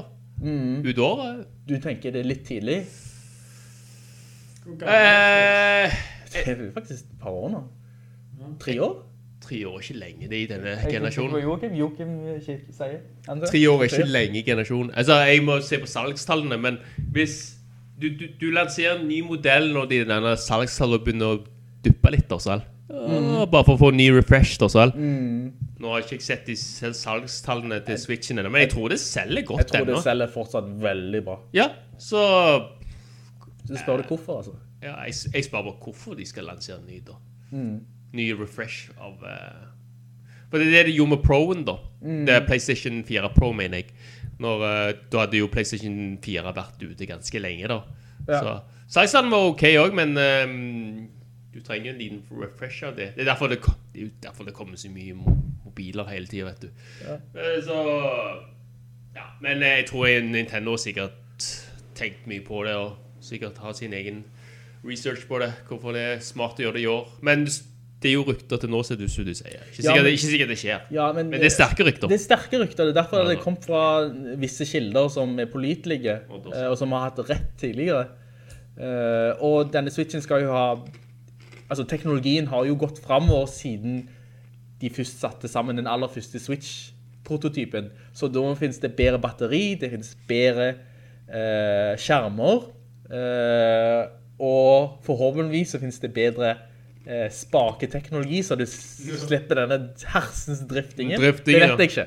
Jeg bare håper de fikser det. Men i hvert fall batteriet skal være bedre, og skjermen skal være bedre. Og så skal du kunne spille 4K, og 4K begynner å bli sånn normalt i husstander nå, og det er jo dumt å på en måte ikke eh, kunne eh, levere dette til spillere, Nintendo-spillere, som kunne, og kunne spille sine flotte spill i 4K. Du kommer ikke til Jeg kan garantere deg at det, den der Den kommer ikke til å spille spill i native 4K. Eh, Det er nok skalert opp, hvis du skjønner. Ja. For, du, for den der den switchen nå, den spiller jo stort sett spill i 720p, Ja. hvis jeg forstår det. Dette kommer til sikkert å være 1080p, og så har de bare skalert opp til 4K. Ja. For eh, en spillemaskin som spiller 4K ren oppløsning på en så liten maskin Det det, krever mye det, kraft. det, det, det, det skjer ikke. Det har ikke kommet så langt. Okay. Så Men eh, jeg tror nok eh, Jeg tror det bra nok det er 1080p, da. Altså, Det kan kan tenkes at de vil prøve å utnytte pandemien eh, når den ennå er her, holdt jeg på å si. Selge mer maskiner. Ja, fordi sant, eh, Nå har ikke jeg noe statistikk på det, men eh, at eh, mener jeg leste at liksom Ja, de, de, de, det gikk Det var mangel på vi og det Altså Fordi det solgte så bra. Mm. Alle er jo hjemme og, og spiller. Så det, det kan jo være Det er jo den grunnen jeg tenker, da. At de vil prøve å ri den bølga når den nå er her. Så tydeligvis så har ikke de produksjonsproblemer med Switchen. Altså alle, alle chipene, delene som, de, som blir brukt i Switch-maskinen, de har ikke noen pro problemer med å produsere nok, da. Nei, jeg tror de... I motsetning til de andre. Ja, ja, for jeg føler at, at problemet med PlayStation, eller Sony og Microsoft, de trenger en viss type grafikkort, som det er jo verdensmangel på det nå.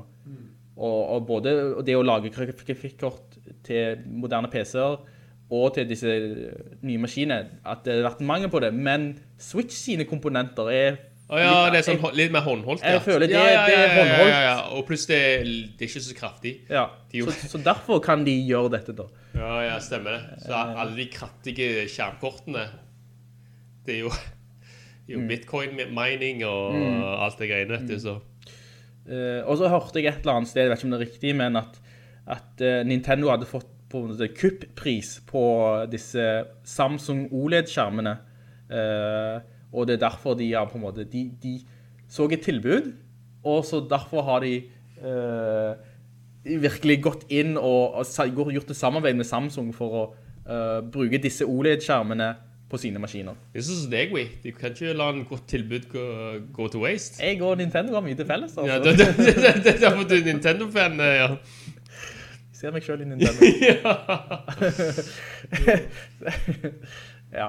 Um, men, men Magnus, du har ikke en Nintendo Switch. Ikke heller. eh, og ikke du heller, hei. Eh, hvis det kommer en ny maskin nå, hadde dere vært fristet til å kjøpe, den gamle, alternativt kjøpe den nye? Jeg tror det må være billig penger, da. Ja, Jeg spiller, jeg spiller ikke så mye lenger. Hva, hva er din prisvillighet? Jeg tror ikke det finnes noe lavt nok, nei da. Um,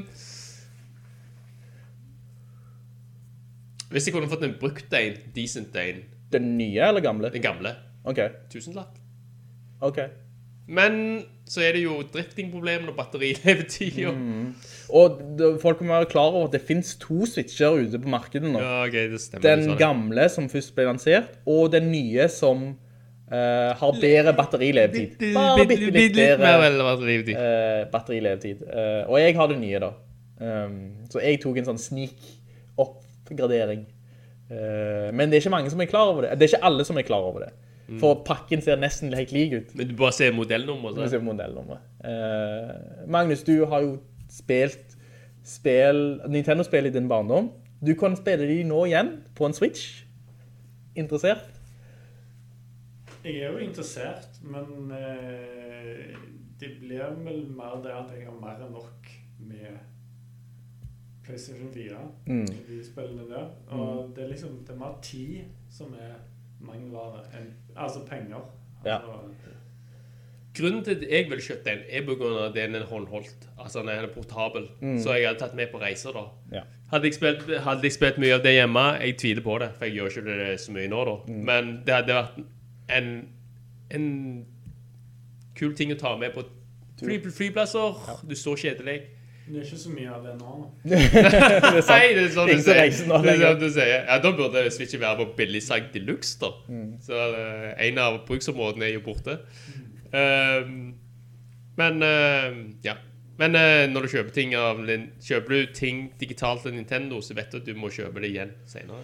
De, har ikke, de har ikke noe sånn gratis oppgradering der. Det er litt sånn Nei, vi skal melke deg for flere, eks, flere eksemplarer. Ja. Nintendo gjør alltid som de They har. do what they want. Um, et, uh, jeg har en siste nyhet. Ja. Magnus, du hadde ikke mer uh, på tallerkenen? Nei. Hans melk i tom. Ja. Eh, da skal eh, jeg bare eh, annonsere den siste nyheten, at det kom en Mortal Kombat-trailer. Det er snart, faktisk. På, den bare droppet plutselig. Åh, det er en ny Mortal Kombat-film som kommer. Og jeg så traileren, og jeg fikk sånn uh, hakesleip, er det det kalles? Jeg synes det var bra, jeg. Det var en vittig bra trailer. Um, jeg synes, altså i begynnelsen så det, på grunn av så, Når jeg så den først, visste jeg ikke hva jeg skulle forvente etter, men når jeg så den flere ganger, så jeg at de fikk inn mye av det som er Mortal Kombat. Og det, okay, det er ikke sånn superkjente skuespillere, regissøren òg er litt ukjent. Jeg vet ikke Men- om det. Nei, han er løs, ja. Han også så jeg på filmografien, han var ikke, hadde ikke gjort med store prosjekter, men jeg føler bare at de fikk så mye av det som var Mortal Kombat, og en, så ut som en episk historie da. Så jeg gleder meg, og det er bare to uker til cirka. Jeg gleder meg til den filmen. Jeg håper, krysser fingrene at den er så bra som traileren. Ingen Kristoffer Christopher Lambert her. Ah, ok, det var veldig skuffende. Christopher Lambert som uh, Raiden var jo kult i seg selv, altså. Det var det. Altså, den første Mortal Kombat-filmen, jeg og deg har sett den filmen, den var veldig bra, og så kom toen og treen, tror jeg. Jeg tror ikke det finnes en tre, men Ja. toen var åh, eh, åh, hva, hva kan jeg si? Det er ikke noen ord å si om den egentlig. Jeg er litt målløs. Ja. um, jeg tror uh, 3,8 BMDB sier nok i seg selv, altså. Altså, Mortal Kombat 2 Annihilation. Yes. Det er 3,8. Ja. Den er Eh, røff. uh, men den, den nye traileren, den er i hvert fall ultra voldelig. Eh, ja, og OK, vold, vold kan Det kan være voldelig i seg selv, men Hva kan du si? Jeg kan si det, det er gjort på en underholdende måte. Ja, godt. eh, Jeg, jeg, jeg synes det, det er som Mortal Kombat. Ja. Altså, de kunne gjort det skikkelig sånn uh, parodisk, egentlig, sånn parody, men uh, det passet jo egentlig til settingen til Det det er den rette Det er stemningen. den rette stemningen. ja. Um, og det kommer på HBO Max uh, 16. april. Og sånn som jeg leser det, nå jeg skal ikke være sikkert, men eh, jeg vet ikke om det kom her i Norge som det HBO Nordic, ja. HBO Max er ikke ennå kommet her. Nei. Nei, for jeg leste at det i løpet av neste halvår, da skal, bli, da skal HBO Nordic, det skal bli til HBO Max. Så hvis du skal se filmen 16. april, så må du vel på, Han kommer på kino? Det kan Å, at ja. jeg, jeg tror jeg, Sandnes kino i hvert fall. Det kan at jeg har lyst til å se på Sandnes kino. Tenk en fatality på storskjerm. Ja, ja, ja, ja, ja. Spruter og Ja. lemmer flyr. ja. Oi, oi, oi. Eller så kan du ha Ja. ja se på Max via, VPN eller noe sånt. Jeg hadde faktisk betalt en kinobillett for å se Morse Combat på storskjerm. Jeg tror jeg tror jeg skal se den på kino, jeg, faktisk. For, Hvis, jeg vet ikke om han kommer på alle kinoer, men Jeg så iallfall Sandnes kino skulle den komme. Konge. Men jeg må se på anmeldelsen Altså, det kommer anmeldelser et par dager før vanligvis, så sier man har... Jeg tror, jeg tror ikke jeg skal se på VG alle de der uh, ikke-spillfolk og ikke Mortal Kombat-fans og hva sier deres mening er, men jeg vil heller se på en Mortal Kombat-fan, hva han sier. Og alle de spillsidene i gen og sånt. Fordi de vet hva den der eh, fansen vil, da. Så hvis jeg får en grei score, så tror jeg jeg skal se den på kino. Magnus, du har kanskje ikke så uh, stort forhold til Mortal Kombat, du? Jeg, jeg, jeg er litt sånn sjokkert over at ikke du kjente til mer om Mortal Kombat. Det var en kjempestor greie. Jeg og deg er nesten samme alder, og du er bare litt yngre enn meg, da. Sweden-alder og sånn. Så Mortal Kombat var sånn, det var jo sånn kjempestor greie på 90-tallet. Mortal Kombat! Den teknosangen er jo den, teknosangen der er udødelig. det var en hel greie. Og så, det, var jo, det var jo mye i media på grunn av volden da, sant? Du av hodet folk, og så reiv du av... uh... Jeg kommer fra veldig ikke-voldelig ja, ja, ja, ja. Så Kanskje derfor det kan du- være- kanskje være Kanskje kanskje derfor du er den mest normale av oss her. Men uh...